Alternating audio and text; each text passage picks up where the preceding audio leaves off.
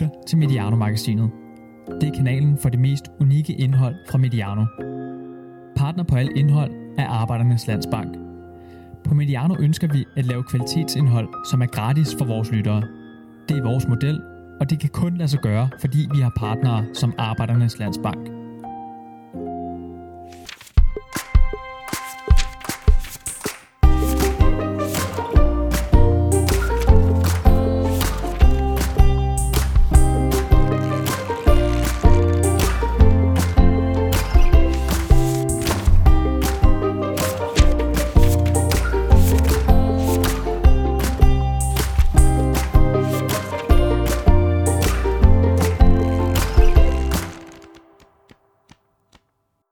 Det er maj måned, og du lytter til Bold og Bøger, Medianos bogmagasin. Jeg hedder Martin Davidsen, og for første gang i et par måneder, der sidder jeg over for min ven og kollega Sebastian Stenbury. Det er dejligt endelig at mødes igen, Sebastian. I lige måde. Vi øh, sidder jo her i din lejlighed på, i, i København på Østerbro, og øh, rart igen at kunne optage i, i, under samme tag, havde jeg sagt, efter et par, par udsendelser på afstand. Og vi sidder jo stadigvæk med en meters afstand. Det sidder vi. Det her, og vi har ikke, øh, vi har ikke krammet øh, hverken øh, goddag, og vi kommer ikke til at kramme farvel, når, øh, Nej. når det sker. Det plejer vi jo, det kan vi Ja. godt sige. Vi er på Ja. kram, du og jeg. Ja, det har det været rigtigt. mange år. Men øh, ligesom Mette Frederiksen, så glæder vi os også til at kunne gøre det. Ja.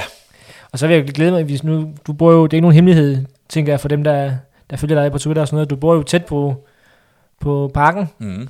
Det synes jeg også var dejligt at se den igen, da jeg kørte herover. da jeg kørte herover. Det, det var også et stykke tid siden, jeg har været, i, eller været tæt på nationalarenaen, men øh, Det var jo meningen, at, der, øh, om, at jeg om ikke, altså under en måned, skulle øh, vandre derover og så sætte mig og så se en EM-kamp med Danmark. ja, Det kommer så ikke til at ske. det må lige vente et års tid med. Det, det, det, billetterne lever videre, og i mellemtiden, så kan jeg så vandre over i Fælledparken og Mm. mm. læse en bog måske. Ja, for hvad, hvad er det, vi siger om, øh, om maj måned? Jamen, maj måned er jo øh, en af mine yndlingsmåneder. Mm. øh, at se fodbold i. Lige nu må vi ikke komme ud og se fodbold. Der er ikke nogen kampe, der bliver spillet på stadion. Men det er alt det, der gør maj måned godt at, at se fodbold i. Mm. Den blå himmel, det grønne græs, duften, blomsterne, øh, varmen, lunen, solen, der varmer ens, øh, varmer ens krop. Det gør det jo til en lige så god måned at læse bøger i udenfor. Lige præcis. Det er en rigtig god måned at, at læse bøger i. Godt tidspunkt at læse bøger på. Og, øh, og det vil vi jo tale lidt om i dag, mm. Som vi altid gør i de her udsendelser her, om øh, hvad der kunne være interessant at læse i. Først skal vi jo lige sige, at Bold og Bøger det udkommer her på Mediano-magasinet, hvor Arbejdernes Landsbank er kanalpartner. Det er vi rigtig glade for, og vi er også glade for, at vi kan få lov at låne nogle øh, digitale hyldemeter hos øh, Mediano og putte vores udsendelser ind på. Det er jo vores udsendelse nummer 15, Ja. ja. siden vi rykkede ind på, på Mediano, og øh, det er jo så uden de her ekstra udsendelser, eller de gamle udsendelser, som, vi jo også har udgivet her i de her Corona Times, øh, som vi virkelig også øh, har kunne bemærke, at folk har, har lyttet lidt til her, øh, mens de har skulle være hjemme. Øh. Så det er vi glade for, at, øh, at, øh, at vi også lige kan få, få liv i dem igen, mm. Vores top 20 der.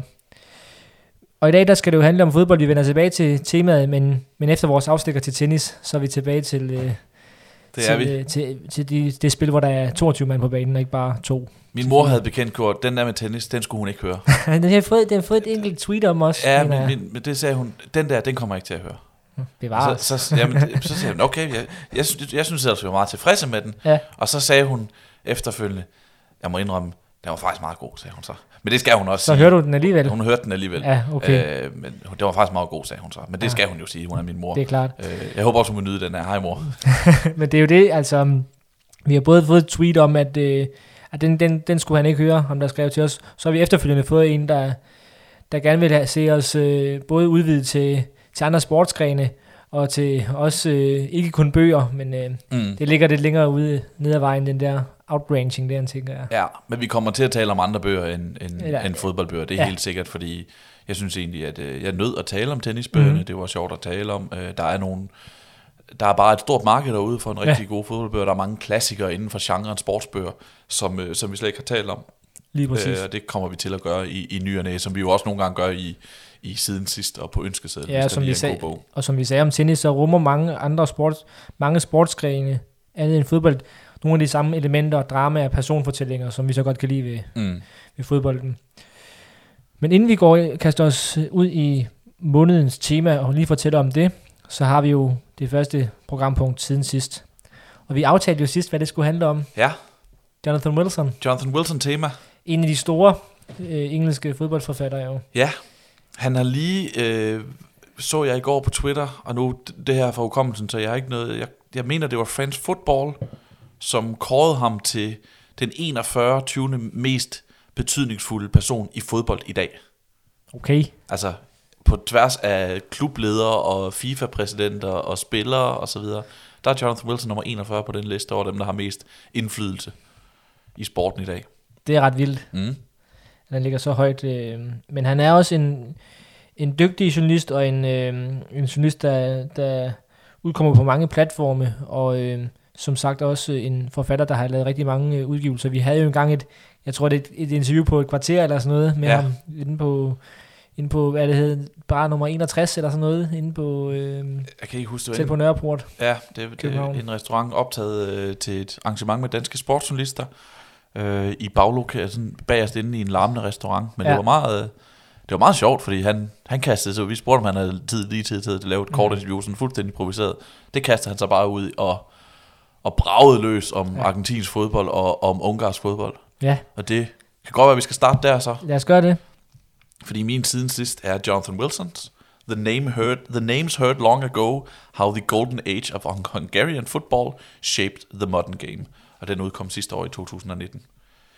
Og det er jo en bog, der som undertitlen her handler om, øhm, eller antyder, handler om, hvordan ungarsk fodbold, øh, udviklingen i ungarsk fodbold i starten af det 20. århundrede, sådan omkring fra 1900 til frem til Ja, det meget, meget præcist frem til 1956. Øh, påvirket, altså der var, var et af de stærkeste i hele verden, og påvirkede resten af verden, og lærte resten af verden, hvordan man spiller fodbold. Det var, jeg tror han skrev på en måde, at det var englænderne, der lærte resten af verden at spille fodbold, det var ungarerne, der kultiverede den, fordi de ligesom har en, en trend med, at, øh, at der er mange, mange ungarske trænere, der er rejst ud i verden, også til Sydamerika, til Brasilien, til Uruguay, til Argentina, øh, til Italien, til Tyskland, mm. og lært resten af verden at, at spille fodbold. Og det er ligesom det, den handler om, og den fortæller, hvordan det startede, det her. Der er en meget, meget, meget interessant anekdote, som altid er sådan, man skal lige tage den med et gran salt, men den er meget interessant, hvor det siger, at grunden til, at øh, det rent taktisk var i øh, Ungarn og Østrig også, at det udviklede sig, øh, at det særligt den taktiske snak udviklede sig, det var, at øh, i England, hvor man også diskuterede fodbold, der stod man på popperne og diskuterede, men der stod man op, og man stod med en, en pint i hånden, og så havde man en hånd fri til sådan at gestikulere lidt med. Men i Østrig og i Ungarn, i Budapest, i Wien, hvor det nu altså mm. være, der Ja. sad man ned på kaffebarne med hænderne frie, og så havde man bestik og kaffekopper og sukkerskåle og øh, saltbøsser til at agere spillere ja. Og taktiske udviklinger og sådan noget. Og det var med til at, at ligesom føde en, en tradition for at tale om spillet og tale om den taktiske udvikling. Så Ja, det er jo er det er sådan en, nogle af de der anekdoter, der gør den her, den her bog øh, interessant. Ja. Så øh, og når, når, når man hører Ungarn, nu har jeg ikke læst bogen, så tænker man jo straks på, på Puskas og, og det der store, de magiske magajer fra, øh, fra 50'erne der. Fylder det også noget i bogen, eller er det, eller er det primært det her, øh, ja, The Names Heard Long Ago? Øhm, det, jeg, jeg, Wilson han sagde, han tweetede på et tidspunkt, at det selvfølgelig det, det spiller en rolle, det her med Ungars 4, 54 hold, det her, der mm. vinder VM sølv. Øh, men at det ikke er den store, det er ikke den store trækplaster, hvorefter Barney Rooney, som er en journalist på Guardian, svarede på det tweet og skrev, det vil næsten også være altså, næsten også for mainstream Ja. øh, at gå på det der 54 hold der. Ikke? For nej, det, det, er en, det er en eftertanke. Fokus er på de første 50 år. Fokus er ja. på, øh, på, øh, på, på perioden fra ja, sådan om lige slut 1800-tallet faktisk, og så, øh, og så 50 år frem. Og så Mm. det er ligesom kulminationen og afslutningen, det her med, Ja, okay. med, det, med det magiske hold, de, de mægtige magiarer fra, fra 54. Og det betyder, at man kommer til, det er, er en bog på lige 300, nogle af halv- 370 sider, tror jeg det er. Man kommer til at høre om rigtig, rigtig mange fodboldspillere, som man aldrig nogensinde har hørt om mm. før, og som man aldrig nogensinde kommer til at høre om igen. Og det skal man være indstillet på. Altså det er, det her det er ikke en bog om, om kendt fodbold. Det, jeg har det lidt sådan, jeg ved ikke om du har det. For mig der er perio- fodbold starter sådan lidt om, efter 2. verdenskrig for Ja, mig. ja. Det er der, det er der, de begynder at spille Europamesterskab, og det er der Champions League Europa eller Cup. Europa Cup fodbold ja. begynder at komme til, og sådan noget. Ikke? Og det her handler om før 2. verdenskrig. Ja. Så det vil sige, at der er mange ukendte spillere. Øhm, og det, det, gør den lidt, det kan godt gøre den lidt træ at komme igennem. Mm. Øhm, ja, min egen historie omkring den her bog var jo, at, øh, at jeg skulle have været... Ja, jeg kan se dit bogmærke. Jeg har et bogmærke her til Berlin mod øh, Uni, øh, Union Berlin, der havde jeg billetter til det derby, der skulle spilles. Og øhm, den blev selvfølgelig aflyst. Der var i første om, ja, den blev aflyst. Øh, så jeg brugte den, fred, den, den lørdag aften på i stedet at sætte mig over i sofaen og drikke en flaske ungarsk vin. Selv drikke mig fuld i den. Øh, og så læste den her bog. Og så brugt eh, kampbilletten fra, øh, fra det olympiske stadion i Berlin som bogmærke. Det lyder da så også hyggeligt. Det var rigtig hyggeligt, men problemet er, at hvis man drikker sig sådan lidt småfuld, når man, når man læser en bog, så kan det være vanskeligt at huske det hele dagen efter. Og jeg gik også en lille smule kold i den. Jeg først lige blevet, jeg startede på den i marts, jeg blev færdig med den i går, fordi den er lang at komme igennem. Øhm, netop fordi han insisterer på, at man skal have det hele med, og man skal høre om alle spillerne og alle klubberne, og øh, der er, øh, og der er de her, de her ukendte spillere, og det er lidt som om, at det kan man også godt blive forelsket i med Jonathan Wilson, at han insisterer på at fortælle nogle historier, hvor man nogle gange tænker sådan, Har det relevans for historien? kan, kan jeg vide, om, Ja. om, om du tror, at andre er interesseret i det her på samme måde, som det er. Jeg, kan, jeg skal lige prøve at se, om jeg kan finde et, Men, ja. et eksempel. Der er nogle stykker. Øhm, men samtidig så, altså, men han, han bygger også op det her med, øh, at man, man tror på det, det er troværdigt fortalt det her med, hvor stor en betydning Ungarn har haft for resten ja. af fodboldens verden. Og så er det også en ret tragisk historie, fordi sådan løbende gennem bogen, så sniger sådan øh, antisemitismen sig ind, sådan løbende, indtil lige pludselig, bang, så rammer den altså for alvor under 2. verdenskrig, ikke? Og, og det, det er jo med til at, altså 2. verdenskrig øh, og efterfølgende den sovjetiske invasion, der er mange af de her spillere, der er jøder, øh, da de kommer efter bagefter, så er der så er det øh, mange, med til at slå mange af dem i mange af dem ihjel. Øh, jeg skal lige finde, der, var- der var noget, jeg ville, der var noget, jeg ville læse, hvis jeg lige kunne finde det.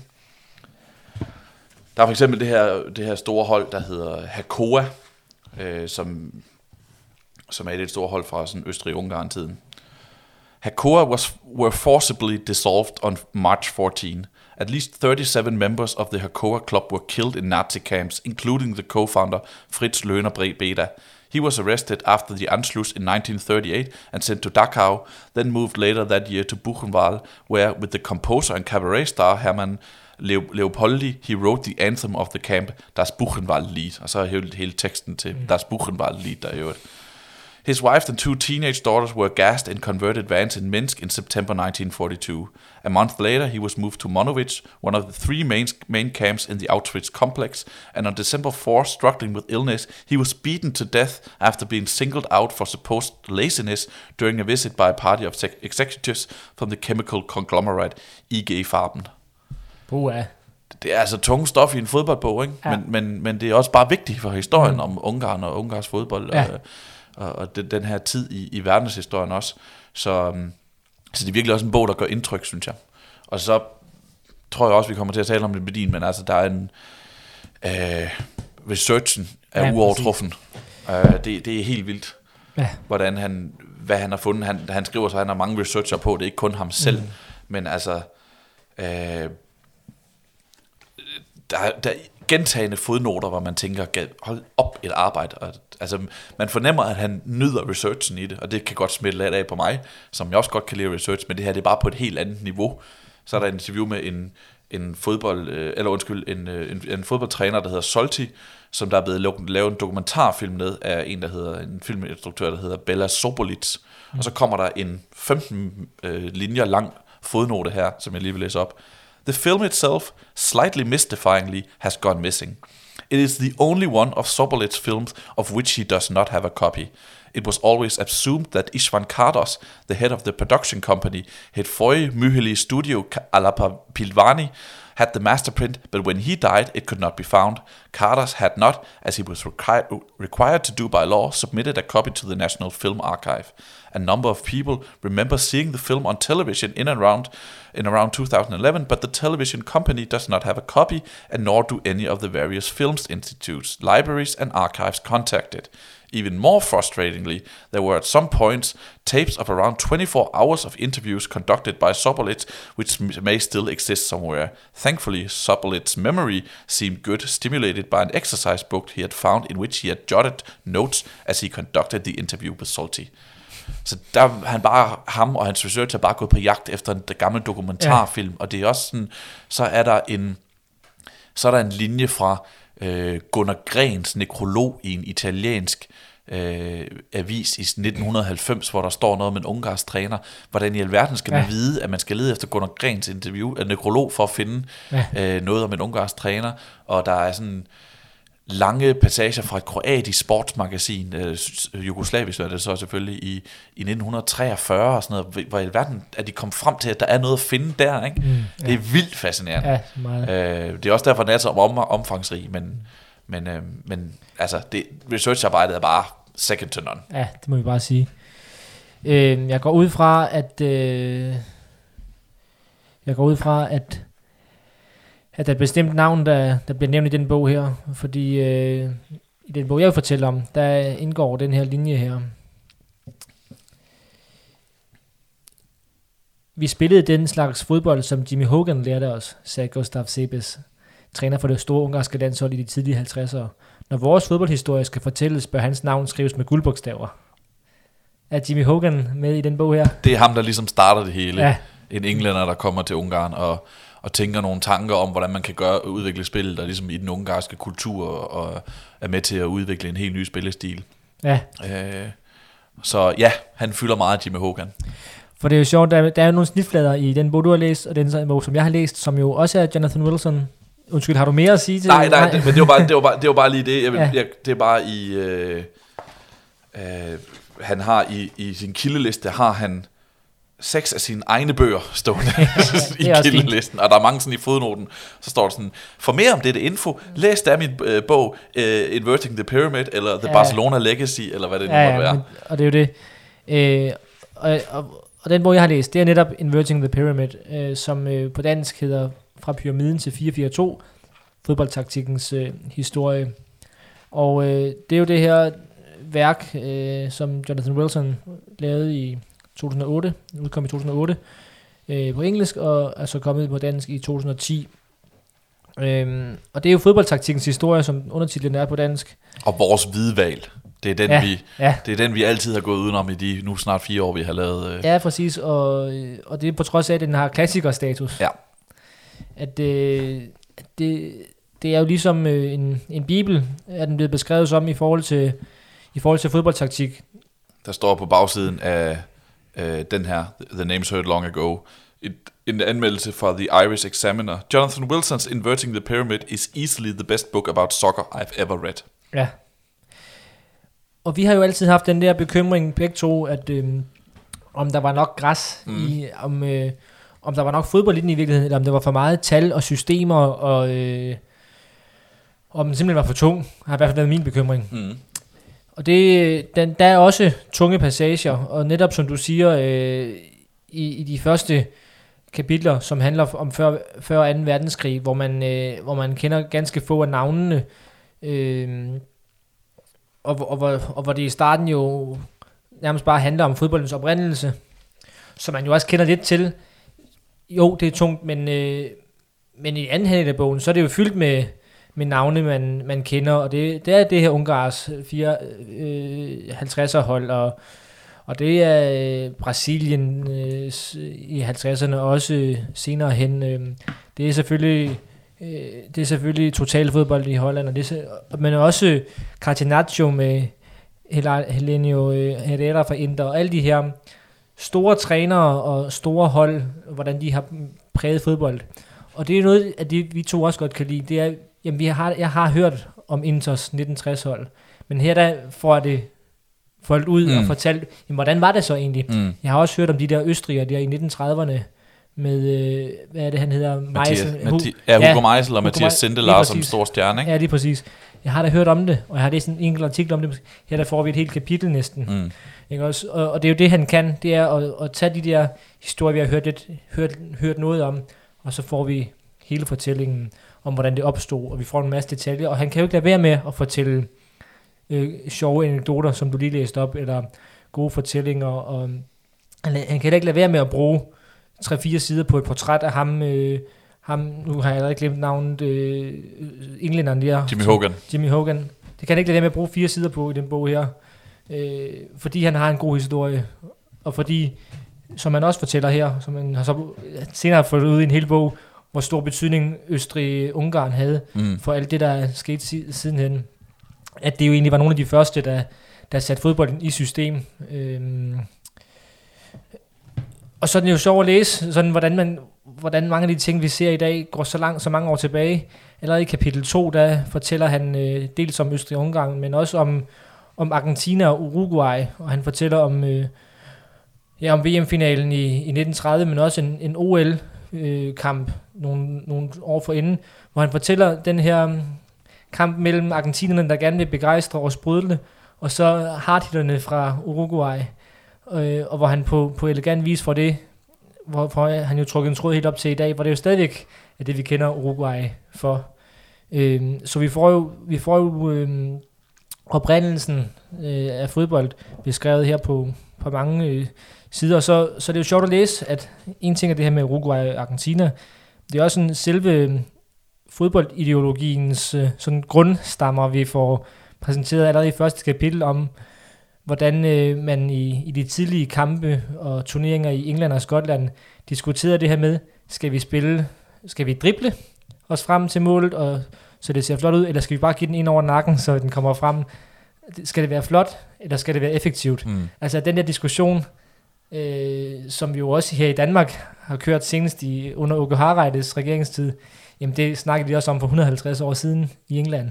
Det er jo fascinerende, synes jeg. Det er vildt fascinerende, og, og det med, at der ikke er noget svar på det. Ikke? Altså, der er Ja. ikke noget kommet svar på Nej, noget, det er hvad det rigtige er. Lige præcis. Øhm, og et, øh, et eksempel på et eksempel på det der med øh, det, det der med, at han, han ikke kan lade være med at fortælle anekdoter og komme med konkrete eksempler og lave scener i sin, øh, sin bøger. Det vil jeg lige læse, det vil jeg lige læse noget op af her. Det er netop om, øh, jeg ved ikke om det er Herrera eller Herrera, ham øh, Inders træner derfra, Et eller Herrera. Det, det handler om hans øh, ankomst i Inter. Efter at have modtaget en lang række tilbud, tog Herrera imod det mest lukrative af dem og flyttede til Milano og Inter. Deres præsident Angelo Moratti havde fyret 12 trænere inden for de seneste fem år. Herrera forsikrede, at han nok skulle skaffe den succes, som Moratti så desperat ønskede, men han krævede en på daværende tidspunkt rekordstor lønsum på 35.000 pund. Til tider viser et dyrt valg sig dog at være billigt, og et billigt at være dyrt, sagde han. Og det blev retfærdiggjort ved, at entréindtægterne steg til det femdobbelte i løbet af hans første sæson i klubben. Og så kommer det her, jeg talte om før med, med Jonathan Wilsons evne til at smide nogle herlige anekdoter ind. Et par uger efter Herreras ankomst i klubben mødtes han med spillernes koner og forklarede dem vigtigheden af både ernæring og de rutiner, som han ønskede, at hans spillere skulle følge. Herrera ville have, at hans kontrol skulle være altomfattende, også selvom det langt fra var populært, da han indførte Retiro, hvor spillerne skulle opholde sig på Appiano Gentiles træningsanlæg forud for kampene. Ideen var den, at vi skulle fokusere på den kommende kamp og intet andet, sagde forsvarsspilleren Takisio Bortnic. Under opholdet kunne man ikke forlade stedet, man kunne kun træne, spise og sove, og når vi endelig fik os lidt fritid, så kunne man ikke lave andet end at spille kort. Så var man ligesom der og kunne intet andet lave end at tænke på kampen. Problemet med sådan ophold er, at de er fint nok en gang imellem, men hvis man gør det for ofte, så er det meget opslidende for spillerne. Og så lige den sidste ting her, som Jonathan Wilson han fortæller. Alt lige fra søvn over træning til måltider og de ildmasker, som spillerne fik aftenen før alle kampe, var nøje reguleret.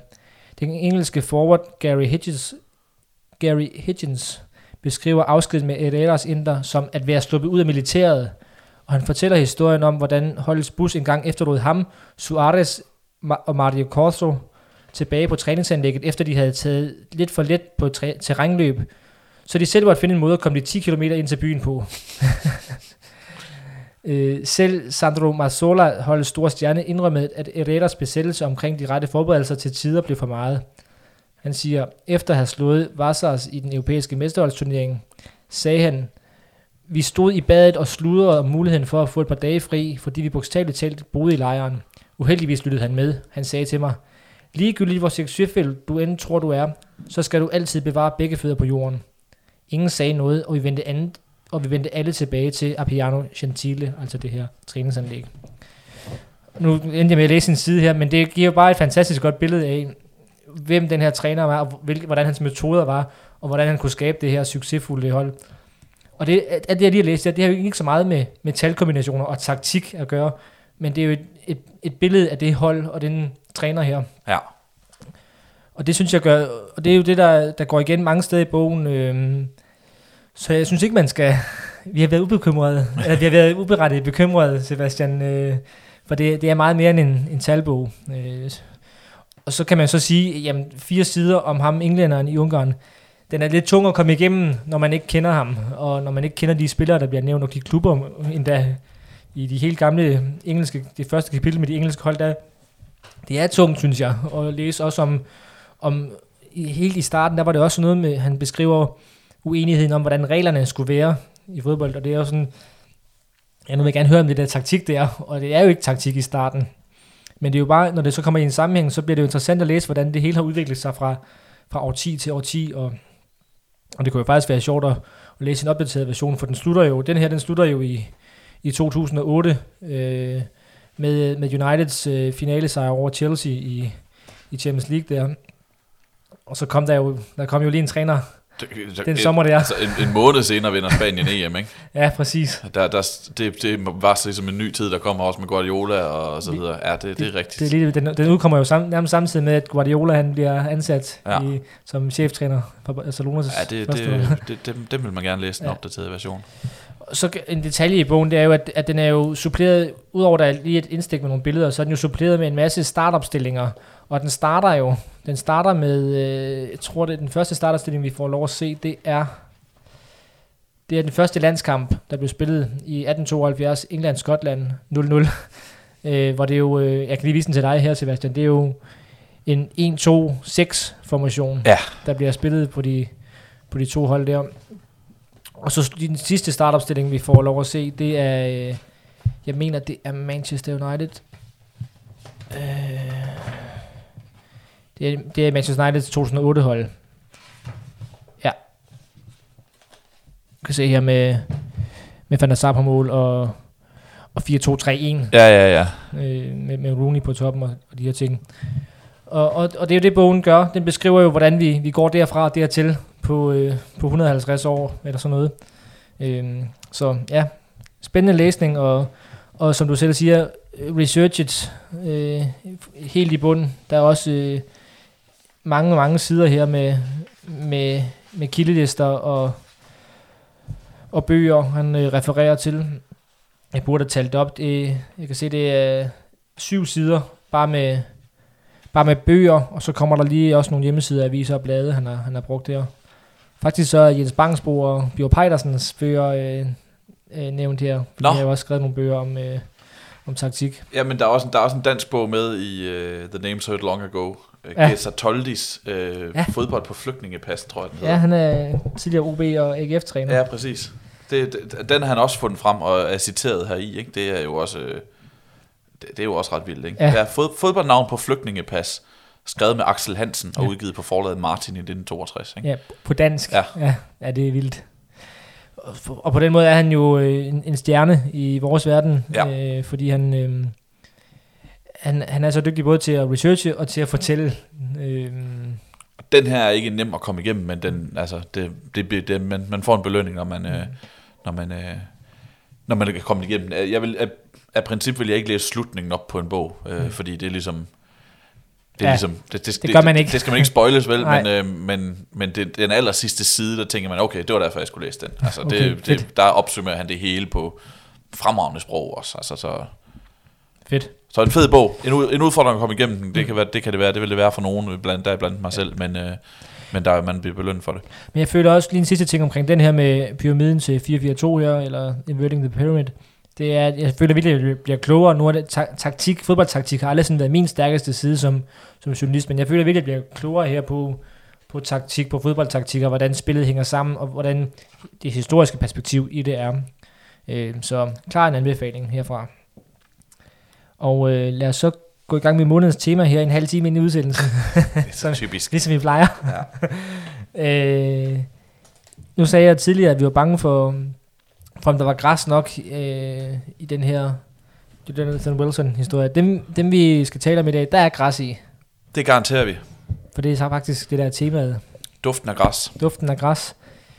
Og det var jo lidt, øh, det var lidt ud fra en, en tanke om, at, at nu har vi ikke set fodboldspillere på græs i øh, et par måneder. Og selvom den her udsendelse også gerne skulle være sjov at lytte til om to, to år, så er den jo optaget lige på kanten af, at fodbolden begynder igen at rulle rundt omkring. Vi havde Bundesliga comeback i weekenden efter coronapausen. Øh, Vi har Superliga i dag. Ni dage væk. Ja. Og øh, så vi tænkte ligesom, det var oplagt at, at tage nogle bøger, der handler om duften af græs, som jo er et, øh, er et, øh, er et udtryk, vi ofte bruger, når vi taler om fodboldbøger. Du har en kategori på din bogreol, der hedder det her. Ja, det du har jeg. det? Den står op bag ved dig. Mm. Og, og det, vi skal nok starte der. Ja. Hvad er duften af græs? Hvad er det for dig, Martin? Jamen det er jo, øh, det er jo bøger, nu når vi snakker duften af græs i fodboldbøger, så er det bøger, hvor, hvor man kan mærke kærligheden til spillet. Dels fra, øh, fra forfatteren, men også fra de personer, der øh, bogen an, øh, omhandler. Så det er de her bøger, hvor ja, fodboldens magi øh, træder frem. Jeg har Hvordan for dig? det er samme måde. Øhm, jeg kan starte med at sige, hvad det ikke er. Mm. Det er ikke bøger om balladen og magtkampe i FIFA. Det er ikke bøger om økonomi. Det er ikke bøger om taktiske udredninger nødvendigvis. Altså sådan manualer til, hvordan man sætter den, den helt Mm. rigtige 4-2-3-1. Øh, Det er simpelthen heller ikke bøger om fodboldens betydning for samfundet, eller integrationen, eller sådan nogle ting der. Det er, vi skal, vi skal ned på jorden, vi skal ned til græsset. Det er bøger, der handler om magien ved fodbold, som du siger. Øh, Det, det er bøger, der forsøger at forklare årsagen til, at vi er så vilde med den her sportsgren.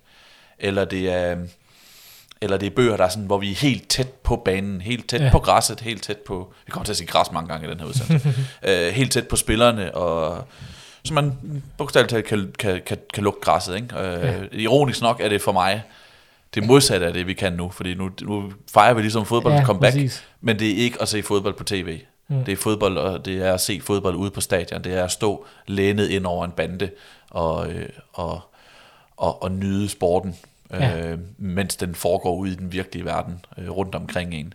Øh, og det er de bøger, der ligesom for, formår at kommunikere de, den oplevelse videre, som, øh, som dufter af græs i min bog.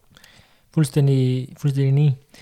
Og, og med det så øh, synes jeg egentlig bare, at vi skal kaste os ud i det. Vi har jo valgt tre bøger hver. Ja. Øh, vi kunne sikkert vælge mange flere. Men, det kunne vi øh, sagtens, fordi som sagt, vi har en hel reol deroppe. Jeg tror også, vi nævnte, vi, kom, vi snakker også lidt om det her, i, i, da vi sorterede mine bøger og satte dem på, på Ja. hylde. Men, øh, men ja, jeg synes, du skal, du skal lægge ud, Sebastian, med, med en af dine tre. Det vil, jeg, det vil jeg gøre. Vi starter med Saturday 3 p.m. 50 Eternal Delights of Modern Football. Skrevet Daniel Gray, og den er udgivet i 2016. Øh, Det her var en bog, som jeg så coveret af på, øh, på Twitter, og så vidste jeg, at den skulle jeg bare Ja, have. den ser simpelthen så fed ud. Det er sådan en lille bitte bog, ikke særlig lang, øh, kun, kun øh, 140 sider i sådan, i, med, med, med god linjeafstand og, og ikke særlig mange ord på hver side. Ikke særlig stor, som sagt, kan, passer godt, kan ligge i en håndflade. Øhm, og jeg så cover til den her på Twitter og tænkte, den skal jeg bare have. Det man ser på coveret, det er sådan øh, sorte, grønne nuancer, sådan typisk engelsk fabriksby, og så et fodboldstadion sådan klemt ind midt i det hele. Øh, og, og det, det, er jo bare, det er jo bare duften af græs, det her, ikke? Ja, Vil du ikke sige det, Martin? fuldstændig. Daniel Gray har også skrevet en bog, der hedder Hatters Railwaymen og And Knitters Travel Through England's Football Provinces, som er en, jeg har set på mange bogreoler, sådan, eller på, i boghylder i, mm. i boghandler over i England, men som jeg aldrig har købt, men som også Ja. har den der, ikke? Kan man bare høre på titlen. Og så det her emne, det er, som på- titlen ligesom beskriver, det er, øh, det er ligesom 50 årsager til, at fodbold er en eternal delight. Og det, det er faktisk en ting, jeg tit har tænkt på, at man burde skrive en artikel om, eller øh, en, ja, en bog om, eller hvad det nu måtte være. Ikke? Altså de der bitte små ting, som gør fodbold en lille smule bedre, end det Mm. mm. var i forvejen. For mig så er det sådan noget som en bold, der ryger hele vejen ud af stadion. Ja. Altså, det er straffesparkskonkurrencer, Præcis. helst på en tirsdag. Det er målmænd, der scorer. Ja. Øh, det er 4-2 kampe. Altså sådan nogle ting der, ikke? Og hvis jeg lige læser op fra de første, vi kan tage de første 12 her, ikke? Kapitel 1, Seeing a ground from a train. Watching an away end erupt. Getting the fixture list. Fixture list. Club shops. Saturday 3 p.m. Spotting a fellow supporter elsewhere. Listening to the results in a car. Ball hitting bar. Pre-match routines. The first day of the season. Slide tackles in mud. Watching youth games in the park. Og så går det sådan fremad. Det er helt sygt. Det er bare de der titler der. Det Det er- er, sådan, jeg, jeg forestiller mig bare nogle helt fede essays om øh, det, det er ikke, ting, det, der er fedt ved fodbold. Min påstand er, at det er ikke alle, der kan genkende, altså alle lytterne, Nej, der kan nej. genkende hele sammen, men der vil være... Ja, så, Dem der, der kunne jeg genkende mange af dem. præcis, ikke? Altså det der med at seeing a ground from a train, Ja, det der ja, med at komme præcis. kørende, ikke? Og, du kan se, og så er projektørerne deroppe, og du kan se Ja. dem ude. Jeg har jo på et tidspunkt overvejet, at man skulle lave et projekt, hvor man fotograferer samtlige fodboldstadion, som man kan se fra togbaner i Danmark. ikke komme så langt til det. Spændende. Men det er rigtigt. Altså, jeg var engang i, bare lige hurtigt indspark. Ja. Jeg var engang i, øh, i Italien, i Firenze-området, der vi var i den der fine by Lucca, der ligger i, i det område, øh, hvor, øh, hvor, jeg, hvor jeg på torvet i Lucca spotter en mand i en Vejle-trøje, for eksempel. Ja. Og det er bare fedt, det der med at se, at der er sgu en, øh, en dansker, der har en fodboldtrøje på. Mm. Øh, og det er rigtigt, det, det, det, det er bare de der 12 ting, du læste op, det er nogle sjove observationer. Jeg tænker simpelthen, at jeg lige tager et helt kapitel. Ja, for de er jo ikke så lange. De er ikke så lange, og jeg tænker, i og med, at vi tager det der, der hedder øh, titlen, Mm. Saturday, 3 p.m. As I write, it is 3 o'clock on a Saturday, and I'm on the edge. I should be somewhere else. A desk is the wrong place to be, a computer screen the wrong, the wrong thing to, to be looking at. Saturday at 3 o'clock, it's a mooring in a football fan's week, his or hers North Star. The radio is on, bringing me goals every few minutes, tinky cheeks, chinks of glee in Norwich and Carlisle. It takes me all over the country, playing sounds from elsewhere like a Beatles record snuck into 1960s Leningrad. It numbs some of the pain. When I'm not at a match, I have the solace of picturing what's going on. I can close my eyes and enter a shadow world of program sellers packing up their unsold stock, burgermen turning down the heat and keeping things warm until 5 p.m. 5 p.m. Late fans jogging for the turnstiles and worrying about their wheezes, and the crowd's collective rallying cry just before the whistle. I still wish I was in a football ground though.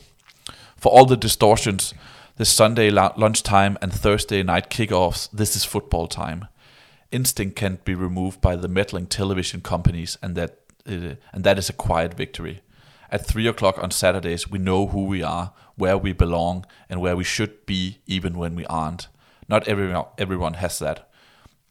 We're actually very lucky. For us, there's a fixed break from the complications and obstacles of being human family life, test results, redundancy threats, damp walls that last week, that last week in a month with th- uh, 23 pounds to live on, news bulletins bulging with sadness and guns.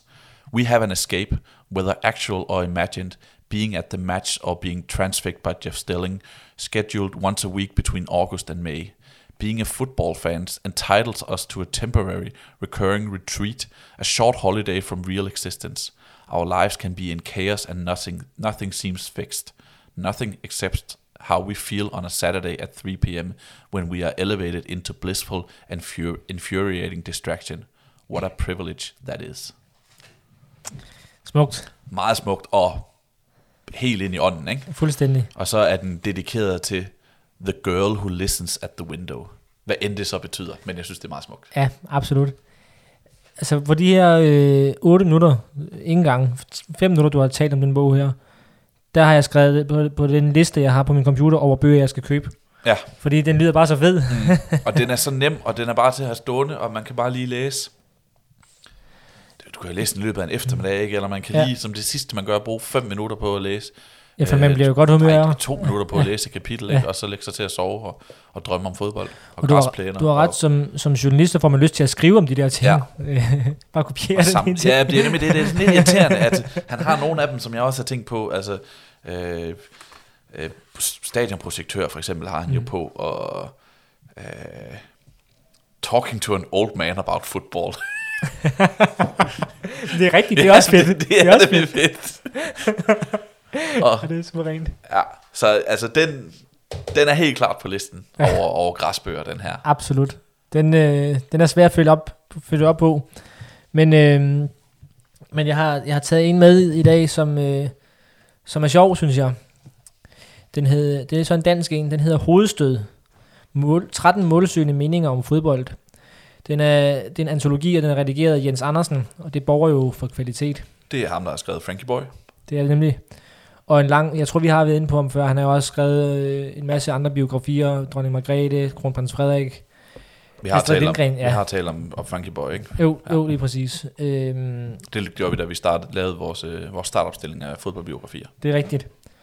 Øh, den her den er så udgivet i 1998, og det er jo også det, der er med til at gøre den lidt sjov, synes jeg. Det har vi også talt før, om nogle af de her bøger her, som, som der er udgivet. Det er ofte i 90'erne, vi snakker om det om, synes jeg, for mm. der bliver udgivet mange bøger. Det er i, i slut 80'erne, start 90'erne, det her er så 98, men og de er jo, øh, de er jo øh, skal læses i den sammenhæng, de er skrevet i, øh, og den er 22 år gammel. Når det er sagt, så, øh, så synes jeg, at den er meget sjov. Og jeg kan lige prøve at læse lidt fra forordet, som Jens Andersen har skrevet, for den fortæller lidt om, hvad det er for en bog, det her. Øhm, han skriver, I denne bog samles et hold af dribleglade forfra. I denne bog samles et hold af dribleglade individualister. Bogens spilsystem, se omslagets bagside, må betegnes som en ukontrolleret offensiv, med særlig vægt på hovedspillet og den enkelte skribents frygtløse vilje til at jonglere med de vi- vise sten. Vi har derfor givet den titlen hovedstød, fordi den i modsætning til som egen monoton sniksnak i den skrevne og etterborne fodboldpresse i disse år, kræver lidt ekstra af læserens hjerneceller. Hver på deres fiktive eller faktiske måde, i reportagens, digtets, novellens, dagbogens eller essayets form, er de følgende 13 målsøgende meninger forsøg på at stige til værs med sproget og tænke sig om midt i begejstringen for eller hadet til fodbold. Skulle der være et særligt opråb eller motto for bogen, må det derfor være En over, Ulrik! det, det, det, er også en lidt indforstået ting, virker det til. Ind over Ulrik var jo det gamle råb om Ulrik, Ulrik Lefebvre. Lefebvre, ja. Men øhm, det er 13 skribenter, øh, der, der skriver om deres forhold til fodbold i en eller anden form eller fasong. Det betyder, at vi er til, til pressemøde, en, en rendykket reportage af Jakob Kvist, ham der har skrevet ambassadøren, fra et pressemøde efter VM 98 øh, med, med Sepp Blatter, Platini og andre topfolk fra fodboldpolitikkens øh, højborg. Vi får også en, øh, en klassisk Roligan-fortælling om, øh, om Dynamit-ekspressen fra VM 98 med referencer til både Bertolt Brecht og, og alt muligt. Øh. Vi får en ABC med 8-10 linjer om et fodboldfænomen, startende med, med forskellige bogstaver. Det, det, ja, det, det, det er alt muligt, som det jo ofte er, men det er alt fra, fra ære, hvor der så er 10 linjer om, hvad, at sporten det, det er jo bund og grund handler om, om æren. Øh, det kan også være ære for, for regler og øh, inden for nationalitet, alt muligt o- for offside. Vi får en novelle af Jesper Wung Det er ham, der har, det er, er en novelle fra den samling, der hedder To rykker en aflevering. Egentlig faktisk glemt dengang, vi skulle, skrive, vi skulle tale om, øh, om fiktion Ja. og, og, og fodboldbøger. Men det er, fordi det er i vores lister, ikke de komplette lister. Det er Præcis. vores bud på en lister. Præcis. Den har jeg faktisk engang læst. Den er Ja. god. Ja, og der er som sagt et uddrag i den her. Der er også et digt af Peter Laugesen, altså et digt om fodbold, også fra en digtsamling, hvor den er det taget ud af. Vi hører om øh, kærligheden til spillet, altså hvorfor det er fa- så fascinerende. Vi hører om EM92 oplevelser. Per Frimand har et indlæg, om, hvor han fortæller om nogle af sine trænere, blandt andre ham her, Tomislav Ivic fra Anderlecht, som var en øh, ret speciel træner, men også en dygtig træner. Øh, så vi kommer vidt omkring, og man, vi får belyst kærligheden til sporten. Der er også en enkelt en, der skriver om, hvorfor han ikke kan lide fodbold. Men, men, øh, men på den måde er det meget græs. Fordi vi, jeg tænkte faktisk, at jeg tog ned fra hylden, og jeg spurgte, lige kan den gå, fordi det er jo lige på grænsen til at være lidt for højdragende.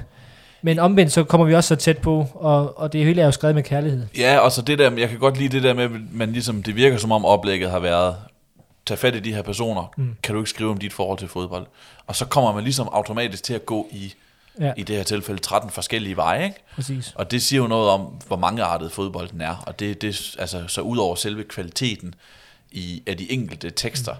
så det, at der er 13 forskellige tekster, ja. øh, er en kvalitet i sig selv. Lige præcis, og man, og man det kunne godt, øh, nu skal jeg lige undskylde til lytterne, hvis de kan høre den sms, der tjekker ind der, men øh, man kan jo godt frygte, når man laver sådan et projekt her, det er en konceptbog på en eller anden måde, at man så får 13 ens fortællinger. Det kunne godt have været noget, der var sket, men det synes jeg netop, de lykkes med, at, at det er 13 forskellige, øh, forskellige bud på, hvad fodbold kan være. Ja, og, og der er min påstand også, at hvis du bare giver et, et nogenlunde frit oplæg, så vil det næsten aldrig blive 13 ens. Mm, mm. Fordi hvis jeg siger dig, siger til dig, kan du ikke lige skrive et, et, et essay eller en novelle mm. om fodbold, uh-huh. øh, så vil det ikke så vil det ikke komme til at blive den samme som den, jeg vil skrive. Der kunne man jo tage fat i Saturday 3 p.m. og se, hvor mange forskellige ja. øh, indgange man kan have til fodbold, faktisk. Ja.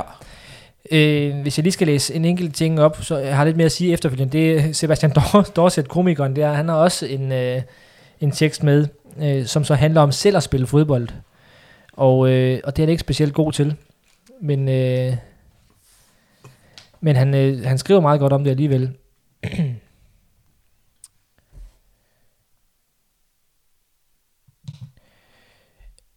hvert, øh, hvert kapitel indledes med et citat fra kapitlet, og den, den øh, der, der, Sebastian Storsets citat, det er, når man er en klovn til fodbold, så ved man det godt.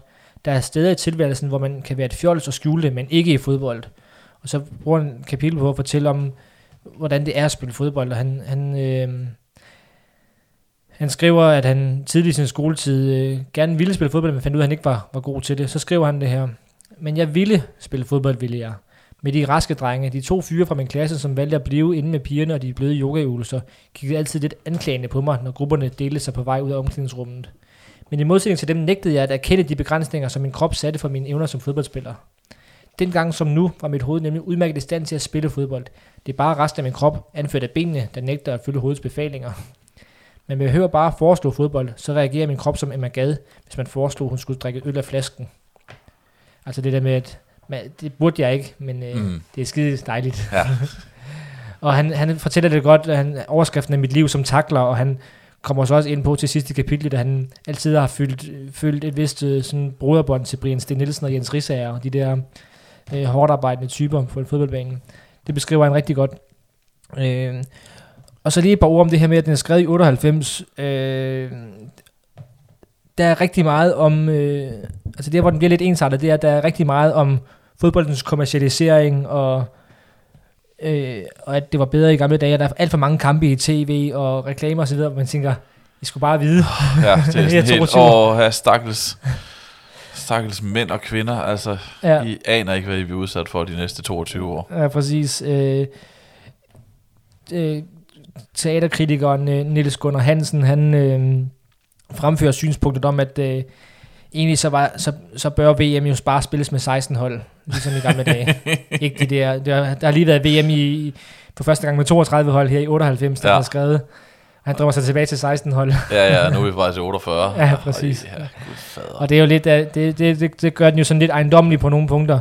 Men det ændrer ikke ved, at det er en, det er en sjov bog og en, og en, en bog, der emmer af kærlighed. Men det, det er jo i, ligesom i stil med det der, du sagde med, at man altid diskuterer, hvad der er den rigtige måde at spille fodbold på.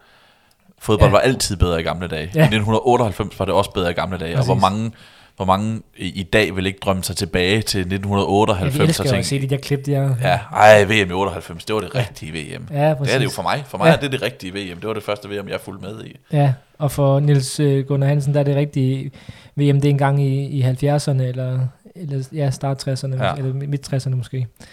Så øhm, den rummer også en del kapitler om fankultur, som jo også på det her tidspunkt er sådan stadigvæk relativt nyt fænomen i, i Danmark. Øhm, vi får nogle kapitler fra Niels Pedersen, ham, øhm, journalisten, der primært er kulturjournalist øh, for blandt andet politikken, og har også været det på i DR-regi. Øh, ben Q. Holm skriver, han, der er en dagbog, han har lavet om sit liv som FCK-fan. Øh, så det er en skør og en skæv bog, og anderledes, og vi har jo før talt om, kan vi jo godt måske afsløre lidt for lytterne, at de her antologier, de kan jo noget, og det er godt ved, at vi kommer til at dykke lidt mere ned i Det tror jeg, vi gør på de et her tidspunkt. øh, Ja. fodboldantologier her. Så øh, den er meget, den, det er en meget skæg bog, synes jeg. Godt. Jeg synes jo, øh, mange af dem, der kan man ligesom se allerede på forsiden. Det er i hvert fald kendetegnende for dem, jeg har med, at øh, forsiden allerede fortæller, ja. hvor vi er henne. Ja. Også på den næste bog, The Nowhere Men, The Unknown Story of Football's True Talent Spotter, som er skrevet af Michael Calvin og er fra 2013. Og her kan man se øh, på forsiden fire relativt ældre mænd, der sidder med en stol hen over det rækværk, som jeg talte om tidligere, og kigger på øh, en ungdomskamp. Og det handler om talentspejdere, som, som der også står altså i, i undertitlen. I 2013, maj 2013, der var jeg for Tipsbladet på besøg i øh, Hamburg, og jeg skulle skrive en artikel om HSV's scoutingafdeling, Ja. med særlig fokus på deres datascouting. Altså det her med, at de var, det var sådan stadigvæk relativt nyt, det der med, hvordan man brugte data til at finde fodboldspillere og sådan noget. I dag gør samtlige, mm. samtlige klubber det, men i det var 2013 var det alligevel noget, der havde nyhedens interesse. Øh, vi på Tipsbladet havde lavet en aftale med Frank Arnesen, øh, om at dernede og tale med ham og hans scoutingafdeling, som han havde taget med, mange af dem fra, fra Chelsea, hvor han jo, han var sportsdirektør dernede på det tidspunkt. Mm. Øh, jeg talte med øh, blandt andet deres tekniske direktør, øh, det var en englænder, der hed Lee Conkerton, han har siden han været i Sunderland, jeg ved faktisk ikke, hvad der er blevet af ham nu, og han argumenterede for, at øh, selvom man kunne få rigtig meget ud af at undersøge en spiller ved hjælp af statistik, så skulle det mest bruges til at fravælge spillere. Øh, hvis man skulle vælge den rigtige spiller, så var det nødvendigt at se ham også. Øh, og han nævnte, at han havde lært meget af Frank Arnesen, når Frank Arnesen var ude og scout spillere, så øh, hvis han kiggede på en angriber for eksempel, når bolden var nede i forsvaret, så Frank Arnesen han kiggede op, bolden, op i den anden ende, for at se, hvordan angriberen reagerede, når hans hold ikke havde bolden. Mm. Om han stadigvæk var overvågen og vaks, og om han holdt sig klar og sådan nogle ting der. Øhm, han, Lee Congerton mener også, at man kan høre, når en spiller rammer bolden rigtigt, altså når han sparker rigtigt til en bold. Og så sagde han det her citat, øh, med hensyn til det med scouting, man er stadig nødt til at lugte til græsset for nemme spilleren. Så derfor så var det selvfølgelig oplagt, at øh, vi skulle have The Nowhere Men med på vores liste om, øh, om duften af græs. Ja. Forfatteren Michael Calvin, øh, en dygtig britisk journalist, han øh, var i mange år ansat på nogle engelske aviser. I dag skriver han bøger på fuldtid. Han havde fik sådan lidt et gennembrud med den, der hedder Family, hvor han følger Millwall i en sæson, øh, i en hel sæson, og faktisk endte med at, øh, at falde for den klub. Så han i dag, han, jeg tror mener, han var fan af Watford. Jeg har en anden bog deroppe, en anden græsbog, øh, der hed, hvor, han, hvor han skriver om det der med, at han, hvordan han blev drevet væk fra Watford, og den måde, som, som klubben blev drevet på, italienerne, der købte sig ind og sådan noget. Mm. Øh, og så fulgte han Millwall over, synes det der, det var en rigtig fodboldklub for ham, så den endte han med at falde for, efter han havde skrevet om den. Han har også skrevet den, der hedder Living on a Volcano, om at være træner, øh, manager i England. Og så opdagede jeg, at han også har skrevet Mind Game, The Secret of Golf's Winners, som han har skrevet med Thomas Bjørn, Okay. Den udkom sidste år. Øh, jeg har læst Millwall-bogen, den er rigtig god. Den, den hedder Family. The Nowhere Man handler som sagt om talentspejdere. Og det er mit indtryk, det er sådan, at bog, bogen om talentspejdere. Ja. Øh, den handler både sådan om hemmelighederne ved at finde de rigtige spillere. Det der med at... En ting er at se dem på banen, noget andet er, at man observerer dem og holder øje med i et kafeteria for eksempel. Er de typen, der tager deres kniv og gaffel og deres øh, tallerken og sætter det på plads, eller er det bare at stå? Hvordan reagerer de, hvis en, en ung fan beder om en autograf og sådan nogle ting der? Så det er det sådan, hvor, hvor omfattende det der liv som, som talentspejder er. Øh, men den handler også rigtig meget om talentspejderne, ikke kun om at talentspejde, men også om talentspejderne, ja. øh, det liv, de lever. Han, han bruger så meget tid på at beskrive ensomheden, øh, hvor dårligt de spiser, når de, fordi de altid er på landevejen. Ja, de er altid på landevejen, altid på vej til et eller andet sted hen, øh, hvor ringe betalt de er, hvor usikre deres jobsituationer mm. er, fordi øh, hver eneste gang der kommer en ny, specielt i de her engelske klubber, hvis der kommer en ny manager ind, så tager han sit helt eget øh, team mm. af scouts med ind, ikke? og så bliver de gamle fyret, og så det er også sådan, der, der er sådan lidt sådan, der er sådan lidt melankoli i den her bog. Ja.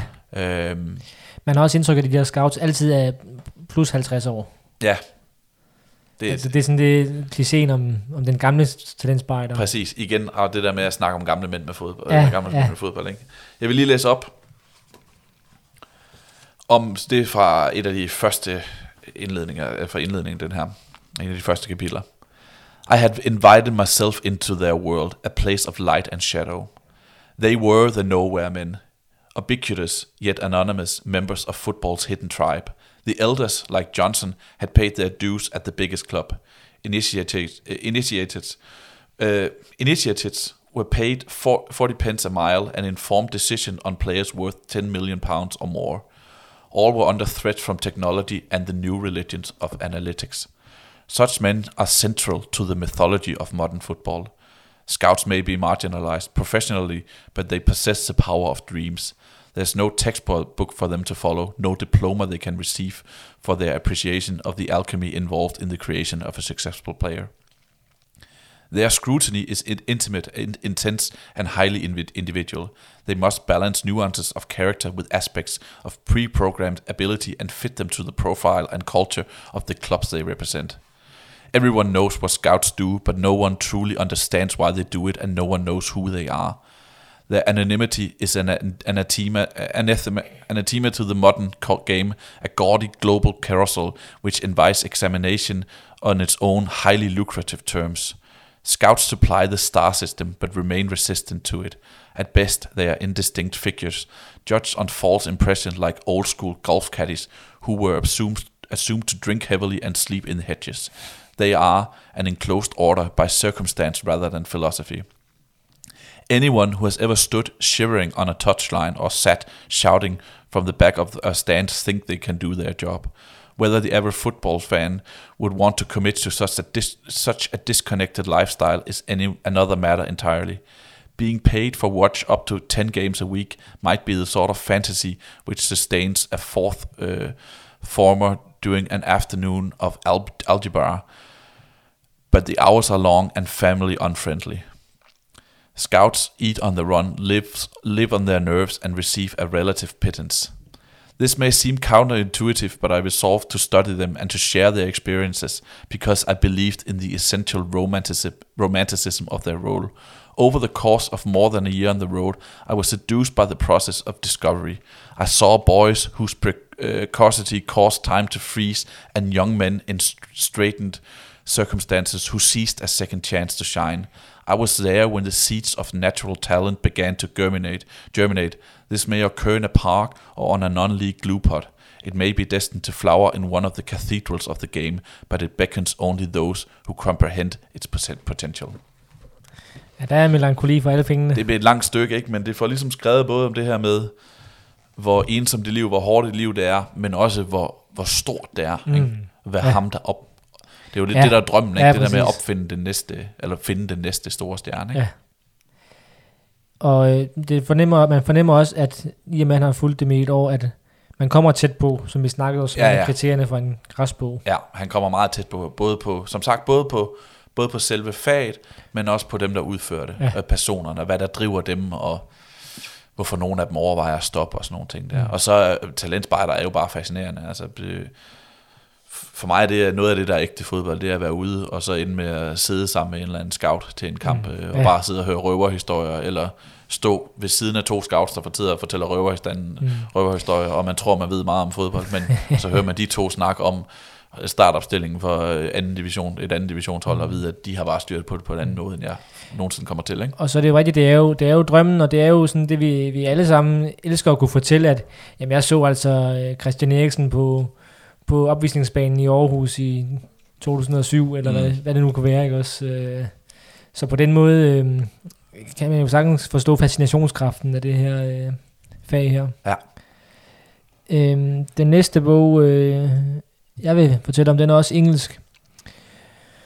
Og øh, nu snakkede du om forsider før, og den her, den købte jeg simpelthen, fordi jeg synes, forsiden så, så fed ud. Og titlen, øh, den hedder What We Think About When You Think About Football. Den er skrevet af Simon, Simon Critchley. Og forsiden, det er jo sådan en, en tegning af Johan Cruyff Selvfølgelig. i orange trøje, øh, landsholdstrøje der, med, med bolden med sine fødder på en, på en helt grøn baggrund. Øh, jeg synes simpelthen, det er sådan en flot bog. Øh, det er igen den her samme størrelse som din øh, 3PM, 170 sider, ah, små 200 sider, 190 sider. Øhm, men bortset fra det, så er der ellers nogle advarselslamper, der blinker, når vi snakker om, om græsbøger. Fordi det er ikke en fodboldjournalist, der har skrevet den. Øh, det er en filosof. Og, øh, og den handler om, øh, om fodbold i et filosofisk perspektiv. Og så begynder jeg allerede at tænke, uha, er vi så tæt nok på her? Er, er der græs nok? Det går, at vi kommer for højt op, ikke? Ja, men det, men, men, men det er faktisk ikke tilfældet, synes jeg, når man så læser den, fordi det er godt ved, at det er et, i et filosofisk perspektiv, men det er ikke på den måde der med, som vi sagde tidligere, hvad, hvad fodbolden betyder for vores liv og sådan noget. Det er mere i, hvor, man, hvor han ser øh, livet gennem den prisme, som fodbold så bliver brugt til her. Han kigger lidt ligesom øh, 3PM, kigger på nogle forskellige fænomener. Det her det er så bare ikke øh, nogle små nære fænomener, men nogle lidt større fænomener, altså hvordan vi anskuder tid, øh, helte, skurke, snyd, elegance, sammenhængskraft. Han, han bruger også nogle, nogle første kapitel handler om socialisme, men, men hvor han så bruger fodbold som eksempler på alt det her. Øh, også korruption, tilskuer, alt det, der er godt ved, ved livet, alt det, der ikke er så fedt ved livet. Der bruger han fodbold som, som eksempel, og han har masser af konkrete eksempler, og masser af anekdoter og historier, personlige, øh, personlige fortællinger. Øh, han, øh, den, udkom, den, ud, den udkom i 2017, der gav han faktisk et interview til Information, Danske Information, øh, hvor han fortæller det her med, at han ser fodbold som et spejl af den verden, vi lever i, og han, han, øh, han siger det her til Information. Fodbold relaterer sig til alt, til familieidentitet, kollektiv hukommelse, kolonialisme, krig, køn, maskulinitet, national identitet, klasse- og stammekultur, racisme og vold. Jeg kan godt høre, det lyder jo meget klogt, men altså det bliver faktisk meget nordjært, nordjært, jordnært. jeg blev helt forvirret af alle de der fine ord. Jordnært, øh, når han fortæller om det. Øh,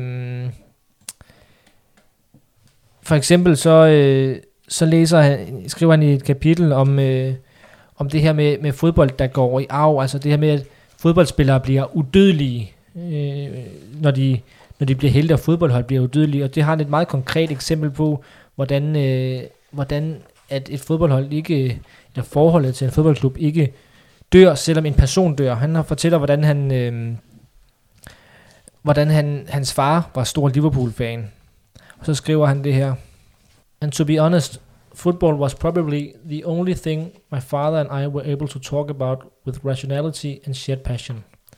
And my primary patriarchal violent act with my son Edward was filling his room with Liverpool paraphernalia paraphernalia to ensure that he would support no other team, it worked. Edward reminded me recently that when he was 10 years old, he asked for an Arsenal shirt for Christmas, as they were the best team in England at that time. Apparently, I didn't even rep- reply and bought him another Liverpool shirt instead. Fædre kan være nogle pikhoveder, hva'? And and it is a source of almost perverse satisfaction on my part on my part that Edward uh, that Edward is a better informed, more loyal, and much more disappointed Liverpool fan than I than I than I am. Fans from my generation were lucky enough to watch Liverpool in their pomp in the 1970s and 80s, when it would be when it would have taken a team from Mars to beat us, as Shankly said. I'd say that about 40% of conversations with my son over the years and 80% of our texting is about football. I'm not saying that, that this is right, nor am I particularly proud of the fact, but just explaining what many of us do when it comes to football. And of course, my unspoken hope is that if my son has children, then they will also be Liverpool fans. So much for dreams of the afterlife. og det, øhm, og det er jo bare, det er, det er jo netop jordnært, og noget, ja, det rigtig det. mange kan for, ja. forholde sig til. Øh, så selvom der bliver også refereret til store tænkere og store filosofer, så kommer vi også ned på det plan der, hvor han fortæller om kaldet til spillet, og hvordan det kan binde en familie sammen. Og jeg kan genkende det der med, at øh, 40% af, af hans samtaler med sin søn, og 80% af sms'erne, det handler om fodbold. Sådan har det næsten også med min far. Øh, og det, og det er jo det er et fedt eksempel. Han har, kommer også med et andet eksempel omkring det der med udødelighed, fodboldens udødelighed. Og det er så fra fodboldens, ver- fodboldens verden, hvor han fortæller, at, øh, og det vidste jeg ikke, fordi han har nemlig et sjovt afsnit om overtro i den her forbindelse med, med udødelighed, hvor han nævner en masse eksempler med, med spillere, der har spillet med, med krydderurter i, i skoene og, og alt sådan der. Så nævner han også det her med øh, Laurent Blanc og Fabien Barthez, det- der kyssede hinanden øh, før, øh, før alle kampe under VM i 98, og hvor han skriver, at der blev spillet I Will Survive i det franske omklædningsrum før hver kamp øh, under VM i 1998. Det vidste jeg ikke. Det vidste jeg heller ikke.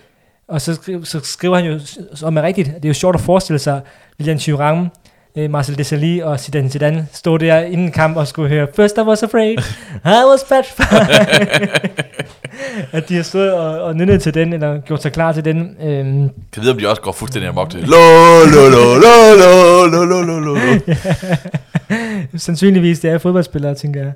Men, øh, men det er, der, der er mange gode eksempler på sådan nogle ting, der han har med i bogen. Øhm. Og så er der en sjov detalje i, i bogen. Han skriver, at han, han bedre kan lide ordet soccer, som beskrivelse Ja. på, på en, en fodbold. Fordi han skriver, at uh, soccer, det, øh, det ligesom kommer af ordet association. Øh, og det mener han ligesom er, at det der er spillets hjerte, det her med, at, øh, at, øh, at, at der rummer ordet soccer, det, det er mere det, som spillet handler om, den her sammenhængskraft, og, og, øh, og, og det bringer folk sammen, og ja, så siger han jo også socialisme, det er så det politiske del af det, men altså, han, han, han kan godt lide, at han er interesseret i det der med, at, at fodbold er et øh, spil med hele kroppen, og ikke bare fodbold. Øh, så derfor kan han bedre lide ordet soccer. Det er sjovt, fordi instinktivt, da du sagde, at han bedre kunne lide sokker, så tænker jeg, jeg kan bedst lide fod- fodbold, og hvorfor kan jeg det? Nå, men det er fordi, det refererer til fødderne, Ja. og det er noget jordnær, det er noget med at være grounded Mm. til græsset. Ja. Men han mener jo, at, at, at vi bruger hele kroppen til Det er også at rigtigt. elske fodbold med. Det, det er rigtigt. Og også at spille det med i øvrigt. Øhm, så det er bare en sjov detalje, men og sådan, sådan er der mange sådan pussy observationer i den bog her, der, der gør den værd at læse, og så er den også, øh, nu, nu lyder det lidt tungt noget af det, jeg læste måske, eller sådan øh, nogle, nogle lidt lange ord, som jeg havde svært ved at udtale, men den er egentlig ret nemt læst, og det er nogle, den er, det er jo sådan en, der kan være en hånd, som du siger, og, og, øh, og, og, og fine størrelse bogstaver og sådan noget, så den, den tager heller ikke alt for lang tid at læse den her bog og masser af kærlighed til spillet i bund og grund. Og det er jo også det, der er fedt. Han er filosof og har skrevet også nogle filosofiske afhandlinger, men han har også de senere år lavet mange bøger, som han bliver spurgt om i det der information-interview der. Hvorfor egentlig skrive om fodbold? Jamen, så fortæller han, at han har for nylig også har skrevet en bog om, om musik, et, et band, hvor han også har sat et filosofisk perspektiv, og nogle andre ting, hvor han har sagt, i sidste par år har jeg bare besluttet mig for, nu vil jeg skrive om de ting, jeg synes er fedt, og så i et, et filosofisk øh, perspektiv. Så på den måde øh, er, det, er, det en, er det en anderledes fodboldbog, som øh, jeg bestemt kan anbefale. Jeg har den stående op på, på hylden, men har aldrig fået den læst. Den er flot, er, du godt også enig i det? Jo, jo, bestemt. Godt. Min Du- sidste, Din sidste. det er endnu en med en god forside. Der kan man se et, sådan, en old school øh, måltavle, hvor der øh, er et sådan klassisk stadionur, som er sådan det klassiske rundur, ikke et digitalt ur, men et ur, der tæller op til, til 45 minutter, og muligheden for at skrive resultater ind for andre kampe med, med, øhm, med, med, med sådan klassiske Papskilte. papskilte, ja. man sætter ned, så der står skifter ud, alt efter den bliver scoret. Man kan også se det i svensk, fordi de har det her med, at der står A, B, C, D, E, E, F, G, H, og så man øh, kan markere de andre kampe, Mm. der bliver spillet rundt omkring i, øh, i ligaerne. Og det er en svensk bog. Jeg er ikke god til svensk, men den hedder noget i stil med, når bollen ruller der hvor væk. Det lyder meget godt. Tak. Det, er det bedste, jeg har gjort indtil videre, tror jeg. øh, det betyder noget i stil med, da bolden rullede vores vej, som er en dejlig titel. Mm. Den er skrevet af Per Nguyen Johansson øh, fra 2017. Jeg er på minimum en årlig fodboldtur til Sverige. Øh, Jeg er sammen med en kammerat, så forsøger jeg sådan, som at krydse alle stadioner i Altsvenskerne af. Og øh, når jeg er afsted, så øh, sørger jeg også for at lægge et besøg i en boghandel, hvis det kan lade sig gøre, når vi besøger en ny by. Så lige vandre en, en tur, og så finde en boghandel, og så gå ned til deres fodboldhylde, øh, deres sportshylde. Jeg kan godt læse på svensk. Det har jeg sådan nogenlunde kun i, i en god del år efterhånden. Det kan de fleste, hvis man anstrenger sig. Ikke? Og så kan jeg godt lide, at hvis jeg går ned og finder en sportsreol øh, i en svensk boghandel, så er det for mig ukendt land. Mm. Hvis jeg går ind i en dansk boghandel, hvilket jeg gør relativt ofte, og jeg går ned til sportshylden, hvilket jeg gør hver gang jeg er i en boghandel, så bliver jeg sjældent overrasket. Mm. Jeg, jeg ved, hvad der står der. Jeg følger relativt godt med, det gør vi begge to. Øh, Det er en del af jobbet. Ja, det er det. At der er ikke noget, der ligesom kommer bag på os. Der kommer mm. ikke, hov, en bog om Niklas Bentner, den ser spændende ud. uh, vi ved som regel de bøger, der er på vej. Ikke? Ja. Men når jeg gør træning i en svensk boghandel, så kan jeg ligesom gå på opdagelse i nogen. Det samme som når man er i engelsk boghandel. Så kan man gå på opdagelse i nogle bøger, man ikke ved eksisterer. Mm.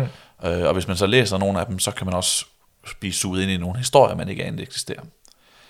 Den her, da bolden rullede vores vej, øh, den købte jeg i 2017 i Jönköping, hvor jeg var, jeg var oppe og se Halmstad Elsborg og Jönköping Sødre mod IFK Göteborg, og jeg kunne ikke, se, jeg kunne ikke stå for den lige så snart jeg havde, øh, jeg havde, jeg havde set den. Ham forfatteren, Per Nguyen Johansson, han øh, fortæller, at han manglede et projekt, så han besluttede sig for øh, en, en sæson at dedikere til at rejse rundt i Sverige, nord, syd, øst, vest, øh, både kvinde, kvindeklubber og, og herreklubber, og så besøge de klubber, som engang havde været store, Mm. og øh, som ikke var det længere. Det vil sige, de, øh, de har ligget op i Allsvenskan, eller de har ligget lige under Allsvenskan, og i dag er de som højst i den fjerde bedste række. Så det er ligesom, øh, et, øh, han tager rundt, og så besøger han gammel storhed, og, øh, og, og, og lytter til historien, og ser, hvad klubberne er i dag, og hvad de, mm. hvad de ofte er reduceret til, fordi det er jo netop ikke store klubber i længere, men, men forsøger at finde det der liv, der stadigvæk er i klubberne. Og, Ja. og det er bare, den er meget, meget, meget velskrevet. Der er nogle rigtig fine historier og det er jo klubber, jeg aldrig nogensinde har hørt om, de her bitte små klubber, øh, svenske klubber, som lige havde en enkelt sæson i Allsvenskerne, eller havde den der sæson, hvor de lige var et mål fra at rykke op i Allsvenskerne. Ikke? Mm. Og det er jo dengang, der kom 11.000 tilskuere til lige præcis den der storkamp i 1952. Øh, det, det, det er virkelig, virkelig stort at læse om, at man møder de der personer, for hvem de klubber betyder noget. Mm. Øhm, og så er den bare velskrevet. Jeg har et, et langt stykke, jeg har, som jeg brugt tid på at oversætte, så jeg ikke skal sidde og læse på svensk. Øhm, fra den klub, der hedder Rå IF. R-O-O-I-F som havde to sæsoner i Allsvenskan i, øh, i 50'erne. De vandt øh, den svenske cup i 1948. De fik også en anden plads i de der to sæsoner, de var i, i Allsvenskan. Øh, og der er sådan nogle... Øh, I dag ligger de i den femte bedste række, eller det, bogen, nej, det gør de også i dag, det mener jeg også, de gjorde, da bogen blev ud- udgivet. Mm. Øh, og der er nogle sådan fede anekdoter i øh, fra, fra dengang i 50'erne. Der er sådan en kamp, de fortæller om en kamp, hvor, hvor den svenske konge lige er død. Og Rå IF er sådan en, en, øh, en, øh, en, en opkommende klub, en opkommende klub, Mm. og der lige er rykket op i Allsvenskan. Og øh, så klublederen, som fortæller den her anekdote i bogen, snakker, de skal møde Malmø i en kamp, og så siger, de, øh, så siger han, øh, klublederen fra Rå, til ham, der hedder, øh, jeg mener, han hedder Erik Persson, som er ligesom kendt som en af de helt store Malmø-ledere mm. gennem tiderne, om de ikke skal spille med sovbind. Og Malmø-lederen, han, eller Erik Persson, han siger, nej, det skal vi ikke, det behøver vi ikke. Nå, okay, så aftaler jeg ligesom det. Og så lige inden kampen, så går ham her øh, Rå-lederen øh, forbi Malmøs omklædningsrum, og kan se, at de står derinde med, med, med, med armbind på, sort armbind på alle sammen. Så det var ham her, Erik Perssons måde at sige, det er os, der er den store klub, det er os, der er den sådan fine klub med koblinger til de høje lag i samfundet, og det der, det er bare sådan en stollet op, oprykkerklub, som ikke engang kan finde på at tage, at tage sorte armbind på, når kongen er død.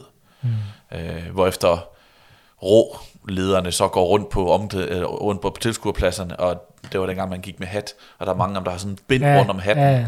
Så de, de samler 11 af de der sorte bind, som de for, fornemme heroppe på tribunerne havde rundt om deres hatte, og så kan de også gå på banen med, med sorte armbind. Ja, det er suverænt. Så det er en meget fin anekdote. Ja. Det var egentlig bare en sidevej til, at jeg vil læse op til ligesom de her beskrivelser, som fylder så meget i bogen, mm. af de her byer og klubber og stadioner, han møder på sin vej.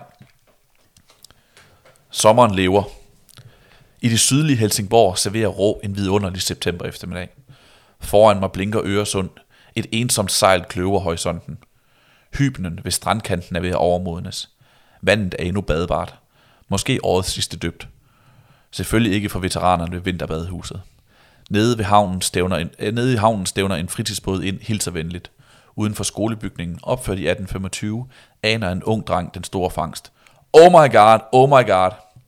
Men der er ikke fisk på krogen, bare en slags Pokémon i telefonen. Mellemstadieeleven øh, løber videre ned ad gaden mellem bindingsværks og murstenshuse med velholdte små haver. Rå har forvandlet sig fra vindblæst fiskerleje til solstegt i Dylbo, hvor de 3.000 indbyggeres gennemsnitsindkomst ligger 78.000 kroner over Helsingborg-niveau. Bydelen inkorporeredes modvilligt i byen allerede i 1918, men beholdt sin uforskammede stil. Tag bare idrætspladsen. Er de ældre altid kaldt San Siro? Men det handler ikke om nogen hyldestreferencer til Helsingborgs Champions League-bedrift i Milano i 2000.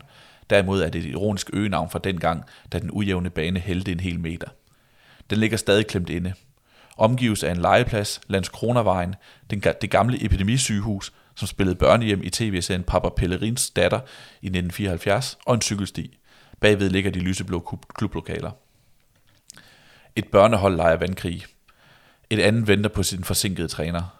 Joachim Bergedal sidder i kafeteriet. Han er opvokset rundt om hjørnet, har haft de fleste roller i klubben. Er nu formand i fodboldudvalget. Antallet af klubber i det sydlige Helsingborg er dalet, hvilket har gjort Rå IF's rekrutteringsområde øh, har gjort, at øh, Rå IF's rekrutteringsområde er vokset. Ud til højhusene. Derfor er spillertrupperne blevet mindre homogene. Jeg trænede A-holdet for 10 år siden, og der værede vi to udenlandske drenge for at få lidt temperament. Egentlig var de ganske svenske, men det var på det niveau, det på det tidspunkt. I det, som snart bliver vores juniorhold, er fordelingen 50-50. Det er rigtig godt for klubben, siger Joachim Bergdal. Så de der beskrivelser fylder meget, ikke? Ja. Og man kan, ligesom, man kan næsten, jeg synes, man kan fornemme varmen, man kan fornemme øh, Øresund, der blinker. Øh, måske endda Køben, øh, Helsingør over på den anden side, kan ja. man se, ikke? Og der er, der er noget græs her, ikke? Mm. Man får lidt en, en jeg associerer straks til Morten Bruns Matchday, som er på et andet niveau jo, men mm. det her med, at jeg kan godt lide de der bøger, der rummer reportageelementer. Det er ikke altid, at vi, at vi at de der fodboldbøger, vi læser, er, for det er ofte, det er ofte noget historisk, en, en, en, en biografi, og, hvor man jo ikke er, er ude og beskrive, hvordan virkeligheden ser ud den dag, forfatteren besøger stedet. Nej. Fordi det, så, er det, så er det ofte et kapitel om Frank Andersens tid i, i, i, i, i Valencia, og så, øh, så har forfatteren jo ikke været dernede, ret ofte i hvert fald, og for, fortælle om, hvordan det så ser ud. Det der med, at, at ham, der skriver bogen, kommer ud i virkeligheden, det, ja. det er jo fedt. Det er fuldstændig ret. Det er fuldstændig ret. Det, det, det er nemlig reportager. Det, det er jo ofte noget, man forbinder mere med avisartikler. Ja, ja. Det, bøger er jo ofte skrevet blandt et skrivebord. Ikke? Mm. Men her er, der, her er der en mand, der har været ude, været ude i alt, samtlige steder, besøgt hele Sverige, og ligesom oplevet de her klubber, som er vidt forskellige, men har det her til fælles. Ikke? Øh, og, og der er bare nogle, der er nogle fællestræk i, i alle områderne, øh, i alle, alle kapitlerne, med alle klubberne, og det er det der øh, glæden over det, der var engang, mm. den der stolte historie, ja. men også det der pres fra historien. Mm. Øh, og så er der, er der sådan en kendetegn for næsten alle sammen, det der sådan ambitionen om lige at nå et skridt højere op, end de er nu. Blandt andet i kraft af, at de var en stor klub engang, så vi skal også lige et skridt højere op. Og for mig er det jo det der, det er jo definitionen af, af fodbold, det der ja. med, med, med stoltheden over, hvad man har haft, men også den der sådan evige ambition om at blive en lille smule bedre, fordi det er jo selve det, er jo selve det sporten går ud på. Ikke? Ja. Øh, og det, det, det gennemgår sådan igennem det her. Så, så på den måde ligner kapitlerne hinanden, men samtidig er de vidt forskellige, fordi det er vidt forskellige historier, der er, og vidt forskellige storhedstider. Det er da faktisk også en af dem, der skriver i, i den her hovedstød, det her med, at øh, uanset om man taler, nu kan jeg ikke huske, hvilken lille by han, han taler om, om det er Tjøring, eller, eller det er ikke Tjøring, det er en anden, en anden mindre by, han taler om, at, at om man er på det niveau, eller man er FC København, eller man er Liverpool, eller man er Brasilien, så vil man altid kunne referere til fortiden og drømme stort om, øh, om fremtiden. Ja.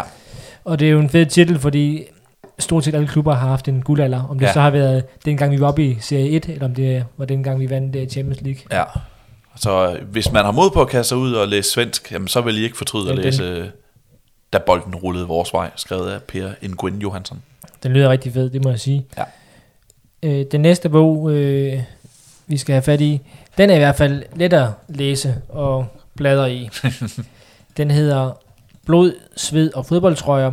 En samlers bekendelser om fodboldens vigtigste symbol, spillertrøjen.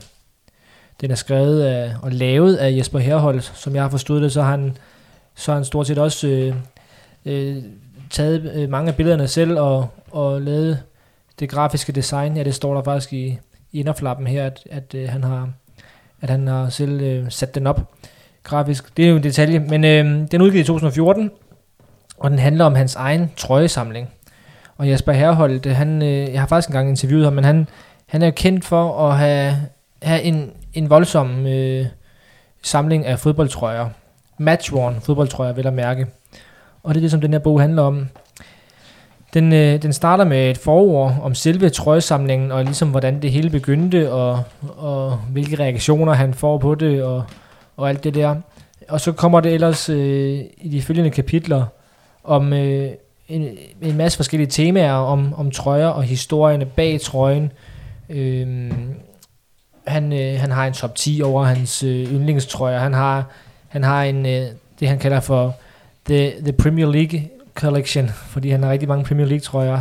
Han har et, et afsnit om landsholdstrøjer og, og alle mulige øh, hvad hedder det, vinkler på det at have en øh, fodboldtrøjesamling. Så det er en rigtig hyggelig bog, øh, som emmer er kærlighed til sporten. Og det er jo hans måde at udtrykke sin kærlighed til fodbold på. Det er jo samle på fodboldtrøjer. Mm. Og så er jeg jo, jeg er jo vild med at, at høre nørder fortælle om deres øh, passion. Det har vi talt om lidt øh, før. Både vores egen nørderi, men også, også øh, det her med at, ja, at samle på noget. Ja, du, du, du talte med ham i forbindelse med den artikel, du skrev til Tipsbladet om, om samlere Ja, og folk, der samlede på fodbold. Hvor du også talte med Morten Brun om at samle på stadioner. Og det, var det, det var det, jeg gav ham ideen til. Ja, det var der. Ja, præcis. Øh, og det er jo igen det der med, som siger, det er jo for, at samle er jo forskellige måder at udtrykke sin, sin kærlighed til sporten. I forhold til sådan, og, altså bogen her, og, og de historier, der er, der er, altså, altså, jeg vil ikke sige, man skal jo ikke læse, købe den her for at få en, øh, en læseoplevelse. Det er, jo, det er jo nærmest en coffee table book, og det er jo sjovt at bladre i de her trøjer her, lige høre historien bag trøjen. Det jeg godt kunne tænke mig, der var lidt mere af, det var historien om, hvordan han så fik trøjen. Mm. Måske er det ikke så spændende, måske er det bare nogle auktioner, han har budt på en gang imellem. Men, men jeg kunne godt tænke mig sådan, at, hvis, hvis der kunne have været lidt mere om trøjens vej til hans hænder. Ja. Altså det der med, at der er rigtig mange af dem, han, øh, som, som jeg kan, man kan læse sig til, at det er gennem Torben Picnic, han har fået den. Jamen, hvordan var det møde med Picnic så, og hvordan fik Picnic den der trøje fra, ja, nu kan jeg ikke lige huske, en, en øh, Les Ferdinand trøje, en Les Ferdinand trøje fra Tottenham. Jamen, hvordan, hvordan foregik det? Øh, var det bare en, et trøjebytte? Der er nogle sjove nogle en gang, men han fortæller blandt andet, at, øh, at, øh, at der er en trøje, som øh, FCK spiller i Champions League i 2006-sæsonen der, første Champions League-sæson, spiller i Kappa, og jeg kan godt huske det, den gik godt nok tit i stykker, Ja, og det skriver han også, altså der blev revet i den. Øh, og han skriver, han skriver det også i bogen, at det, det er åbenbart er lavet af bestemt stof, som meget, meget tyndt, nærmest papir, skriver han. Og derfor, øh, derfor var spillerne ikke ret vilde med at, at, at bytte trøjer, øh, og, og derfor var, var, det, var det meget sjældne. Og det er lidt det samme, der er. Det er måske om den der Les Ferdinand trøje. Det er faktisk sådan, det var. At den var også meget sjælden, den måde, den var lavet på, og det stof, det var lavet af. Så øh, Tottenhams kit manager havde givet spillerne forbud mod at bytte trøjer, fordi det kostede simpelthen en bøde, fordi det var for dyre for at producere en ny. Så, og der, de der små historier er jo sjove at høre. Ja. Dem vil jeg faktisk gerne have endnu flere af. End bare, så, så, så skriver han, at det er fedt at have en finaletrøje, fordi at øh, det var den finale, og den endte det her. Det ved jeg jo godt. Jeg vil, jeg vil meget hellere høre om, om trøjens øh, historie, end om den der kamp, som trøjen blev benyttet i. hvis, hvis vi skal koble det til, til din og min, det vi samler på noget, der er relevant her, så er det jo fodboldbøger. Mm. Øh, og der har vi ofte købt dem på samme måde. Så det er måske ikke så interessant at høre. Mm. Men, fordi vi har købt dem på nettet eller en boghandel. Ja, Men øh, vi samler jo også på øh, signerede bøger, eller kan godt lide at få, vores bøger signeret. mm. Og det er jo der, der ligesom er, en ting er en signatur i historien, men øh, signatur i bogen, man vil også gerne have historien om. ja. Og det betyder noget for mig, historien om, hvordan jeg fik signaturen i bogen. Ikke? Og det må det jo i mange tilfælde også gøre for ham, tænker jeg. Altså det. Mm. det, det, det er også noget, jeg gerne vil høre, hvis jeg hører en samler. Så vil jeg høre om, hvordan, øh, ikke, ikke kun om, om objektet, men også hvordan objektet er inde i hans hænder. Ja, og der kan man sige, at øhm, det får man jo så også nogle eksempler på, og, og det kan jo være, og det, er, og det er jo sådan, at mange af de trøjer her, han har, de er købt på auktion, og så, så derfor er det jo, giver det ikke mening at, mm. at skrive det hver eneste gang. Til gengæld så har han ligesom tre, en, en, for, en gennemgående fortælling, som er delt op i tre afsnit, hvor han ligesom fortæller om samlingen, og der kommer også nogle eksempler på, jamen, hvordan gør han, og det, det er så noget med at, at sidde klar med, når der er en auktion et eller andet sted, og, og det, er også, det er også meget sjovt at læse om det der, hvordan han, han sidder og byder mod andre og, og sådan noget. Øhm. Så, så det er jo, det er jo, det er jo en skæg historie, og det er jo, det er jo, det er jo fascinerende at høre på, på en, der han skriver ikke, hvor mange penge. Det spurgte ham også dengang, han vil ikke fortælle, hvor mange penge han har brugt på det. Det kan måske godt forstå. Men det er bare sjovt at høre om en, øh, fortælle om det, han går så meget op i, og, og hvordan, det, hvordan det har grebet om sig gennem alle de år her. Ja, nu kommer vi til at snakke meget om at kritisere den. Det var næsten Ja. ikke fair, fordi Nej. det er, jo, det er jo vidunderligt, Ja. at der findes en bog om en, en gut, der samler på fodboldtrøjer og hans samling. For det er også det, det, det kan vi også godt lide, de der skæve bøger, de ja. Der nichebøger, øh, og det, jamen græs, det er det jo, fordi det, den illustrerer kærligheden til fodbold og fodboldens magi. Og i mange tilfælde vil der være græs på selve trøjerne, Ja, fordi ja. det er nogen, der er matchworn. Også det.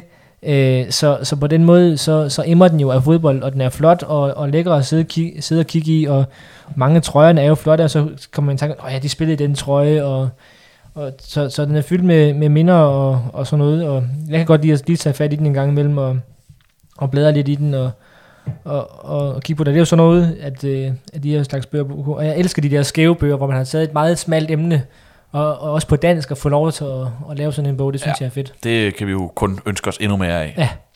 Mere om, øh, om kampprogrammer, eller som vi også har, har en bog om jo på engelsk. Den har vi 32. talt om flere gange, Dave Roberts øh, 32 Programs, den, øh, den Mm. havde jeg også overvejet at tage i spil. Ja. Og det er sjovt, du tager billedbogen der, fordi der var også mange af mine billedbøger op Mm. på, på, på, på regionen, som jeg tænkte, det var oplagt, fordi de jo virkelig kommunikerer. Altså nogle gange et billede siger mere end 1000 ord, ikke? så ja. hvis du bare har det der billede, så er du så er du til stede på det der stadion og kan fornemme, hvordan, hvordan der lugter, og hvordan, øh, hvor varmt der er, og, og Vi kan jo, vi kan jo, nu vi taler om kærligheden til, til græs, og det her med at tage ud i verden, så et elektronisk øh, øh, eksempel på græs og kærligheden til spil, det er jo det her Morten Bruns Twitter-projekt med her i mit stadion. hashtag her med stadion, ja. ja. Hvis man nu smed alle de der tweets og billeder i en bog, så vil det være en fremragende ja eksempel men på det, en- det her må, det må, det ud må i- være startskud til en bog fra Morten Ja. om, øh, om danske stadioner. Det, det, håber vi. det, det, det må det være. Ja.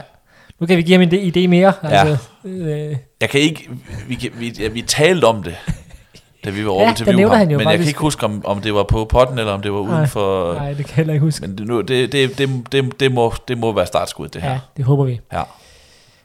Og øh, vi skal så til det modsatte af et startskud nu, for vi skal til at runde af, men vi har jo lige ønskesedlen, ja, det vi skal læse næste gang. Skal jeg lægge ud? Det må du gerne. Øh, nu er jeg lige ved at, at springe frem i et manus her, fordi du stak jo bare en, en bog i hånden øh, lige inden vi optog, som, du har, Ja, har, som øh, vores tidligere kollega på Tipsbladet, Niels Idskov, har, har givet. Det, kom, det bliver lidt internt det her, men han kommer en gang imellem forbi redaktionen og lige smider nogle, nogle bøger af fra sit overskudslager. Øh, og der fik du lov at give nogle videre til mig øh, den her gang her.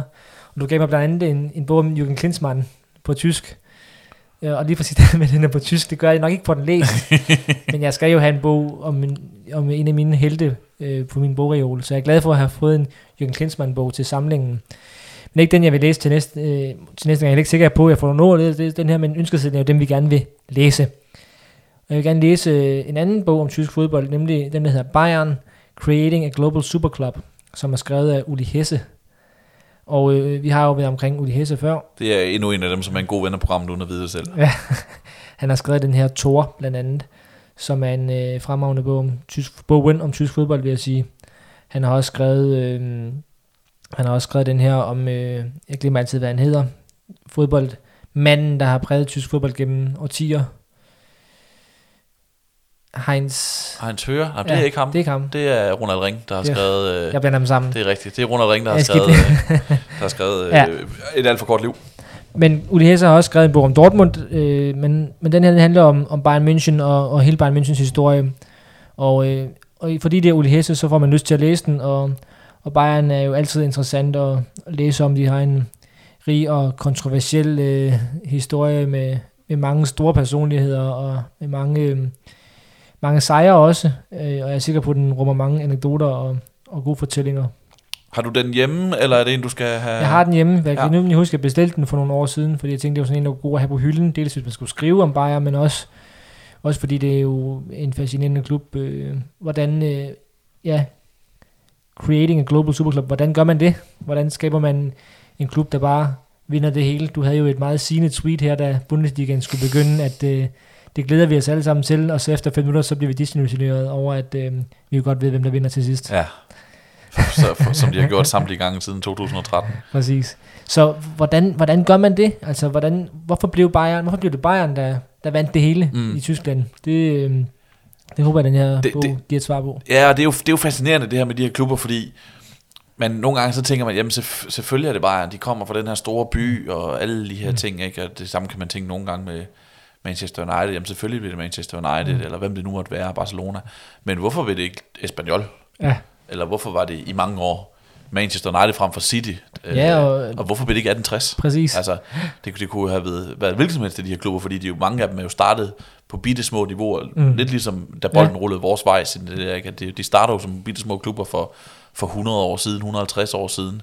Og, og så på et tidspunkt, så er der en af dem, der stikker af og, mm. og bliver den største klub i Tyskland. Ja.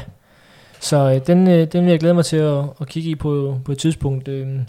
Og så synes jeg altid, jeg synes altid, der er noget fascinerende de her, de her klubbøger. De, de, de kan noget, fordi at, øh, jamen, en klub er jo bare interessant, hvordan den er bygget op og stykket sammen, og så rummer det jo stort set alle sammen nogle, nogle store personligheder. Og, og hvor de her små klubber har haft en storhedstid, så har Bayern jo haft øh, en storhedstid, der har varet i, i 50 år nu. Mm. Så spændende bog, er jeg sikker på. Hvad med dig? Godt. Jamen, jeg har, jeg laver, har lavet en større ryge, ryge. Forstået på den måde, at jeg havde noget, jeg skulle bruge, en rekvisit, jeg skulle bruge, som jeg glemte at hente. Okay. Så nu går jeg lige op og henter den, mens, øh, mens mikrofonen ruller videre. okay interessant. Ja, det kører vi lige. Det tager ikke lang tid. Fordi Det- det, står, det, det- står lige herovre på reolen. Ja, okay. Det, det, det, det er ikke værre, end at øh, end jeg forvekslede Uli Hesse med Ronald Reagan. Det kan man sige. Yes. Huha. Et monsterværk, det her. Ja. Den, jeg sidder med, som jeg har lige hentet på reolen, er Karl Ove Knavsgaard og Frederik Egelunds hjemmeude, Mm. som er den mailkorrespondence, de skrev øh, i forbindelse med VM 2018. VM 2014, undskyld, i Brasilien. Øh, og den, det er en fantastisk bog øh, om alt muligt. Øh, altså, ja, det er, en, det er en fantastisk bog om alt muligt. Noget meget mere behøver man ikke sige om det. Altså, den tager udgangspunkt i VM og i fodbold, men så... Uh, nu har jeg lige skrevet op, nu har jeg slået op på en tilfældig side her, hvor de, uh, hvor de skriver om Virginia, Virginia Woolf, og uh, uh, her er der noget med, med, med Shakespeare, og uh, en Bon Iver i kon- kontakt, koncert, og sådan noget, alt muligt. Nu slår op på en tilfældig side. Vi var på Kina-restaurant i Ystad i dag, og Heidi fortalte mig, at man nogle gange tog de gamle i familien med ud i en båd og kastede dem ud i havet, så de døde. Jeg lå og forsøgte at finde ud af, hvad hun mente. Hun mente det bogstaveligt. Der var nogen i klassen, som havde gjort det, sagde hun. Og jeg lå endnu mere, men til sidst forstod jeg det. Hun havde hørt om nogen, som havde taget ask med ud og strøget dem ud over havet. Omtrent som du fortalte om i et tidligere brev, og så ikke forstået det helt. Hvis ikke har forældrene til nogen i klassen ikke bare gjort sig skyldige i drab, men også taget lige lovligt lidt på det bagefter. Det er bare tilfældig side. Det er bare Ja. ja. sådan associationer, men med udgangspunkt i det her verdensmesterskab i 2014. Ja. Og jeg købte den her bog i 2016. Jeg skulle til øh, EM øh, og ned og dække EM-slutrunden for Tipsbladet, og tænkte sådan helt sådan idealistisk, jeg tager lige den her bog med, lad mig inspirere og sige, hvordan skriver man om, om god fodbold, hvordan skriver man fremragende mm. om fodbold, fordi det gør de, de skriver begge to virkelig, ja. både Egelund og Knavsgaard, Knav, Knavsgaard behøver ikke nærmere præsentation sandsynligvis, øh, de skriver begge to virkelig fremragende. Så jeg tænkte, den tager jeg med, og så har jeg ligesom den på mit natbord, og så lader jeg mig inspirere af den. Og den er, øh, det kan jeg se, den er 596 sider lang, ja. og jeg har et bogmærke siddende i her, på side 311. Så Der gik jeg åbenbart i stå for fire år siden. Ja. Men øh, kom aldrig videre, kom hjem, og så havde den måske ikke lige magien længere, som Mm. den havde, da jeg var afsted til selve slutrunden, og lå på min sengebord i, i Mm. Marseille, og jeg selv tog til den ene øh, EM-kamp efter den anden. Men den her snak om græs og duften af græs, har tænkt, nu, nu skal vi have gjort noget, nu skal vi have Ja. flyttet det her bogmærke længere ud- bagud i bogen. Mm. Nu skal jeg have gjort den her færdig. Det er sådan en... Øh, det er lidt en skamplet på min, på min øh, fodboldlæsning, at, øh, at jeg aldrig Ja. blev færdig med den her.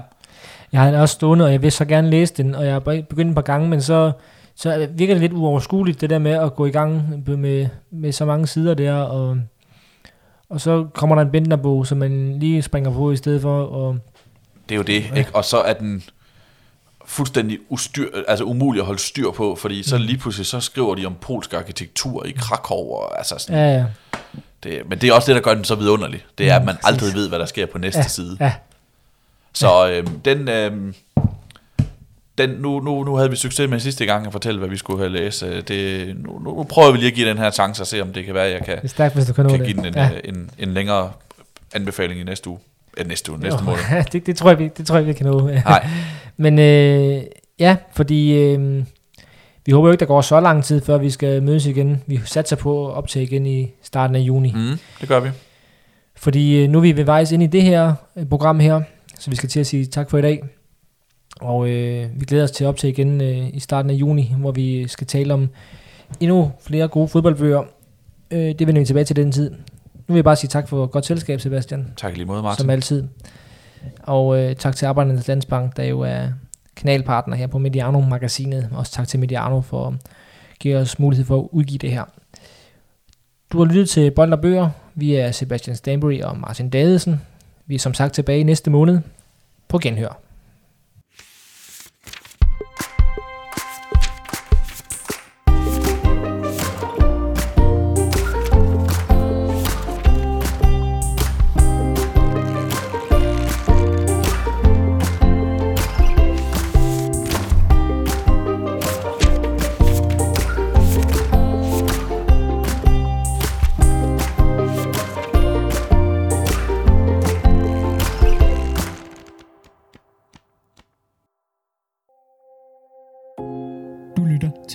Mediano-magasinet. Det er kanalen for det mest unikke indhold fra Mediano. Partner på alt indhold er Arbejdernes Landsbank. På Mediano ønsker vi at lave kvalitetsindhold, som er gratis for vores lyttere. Det er vores model, og det kan kun lade sig gøre, fordi vi har partnere som Arbejdernes Landsbank.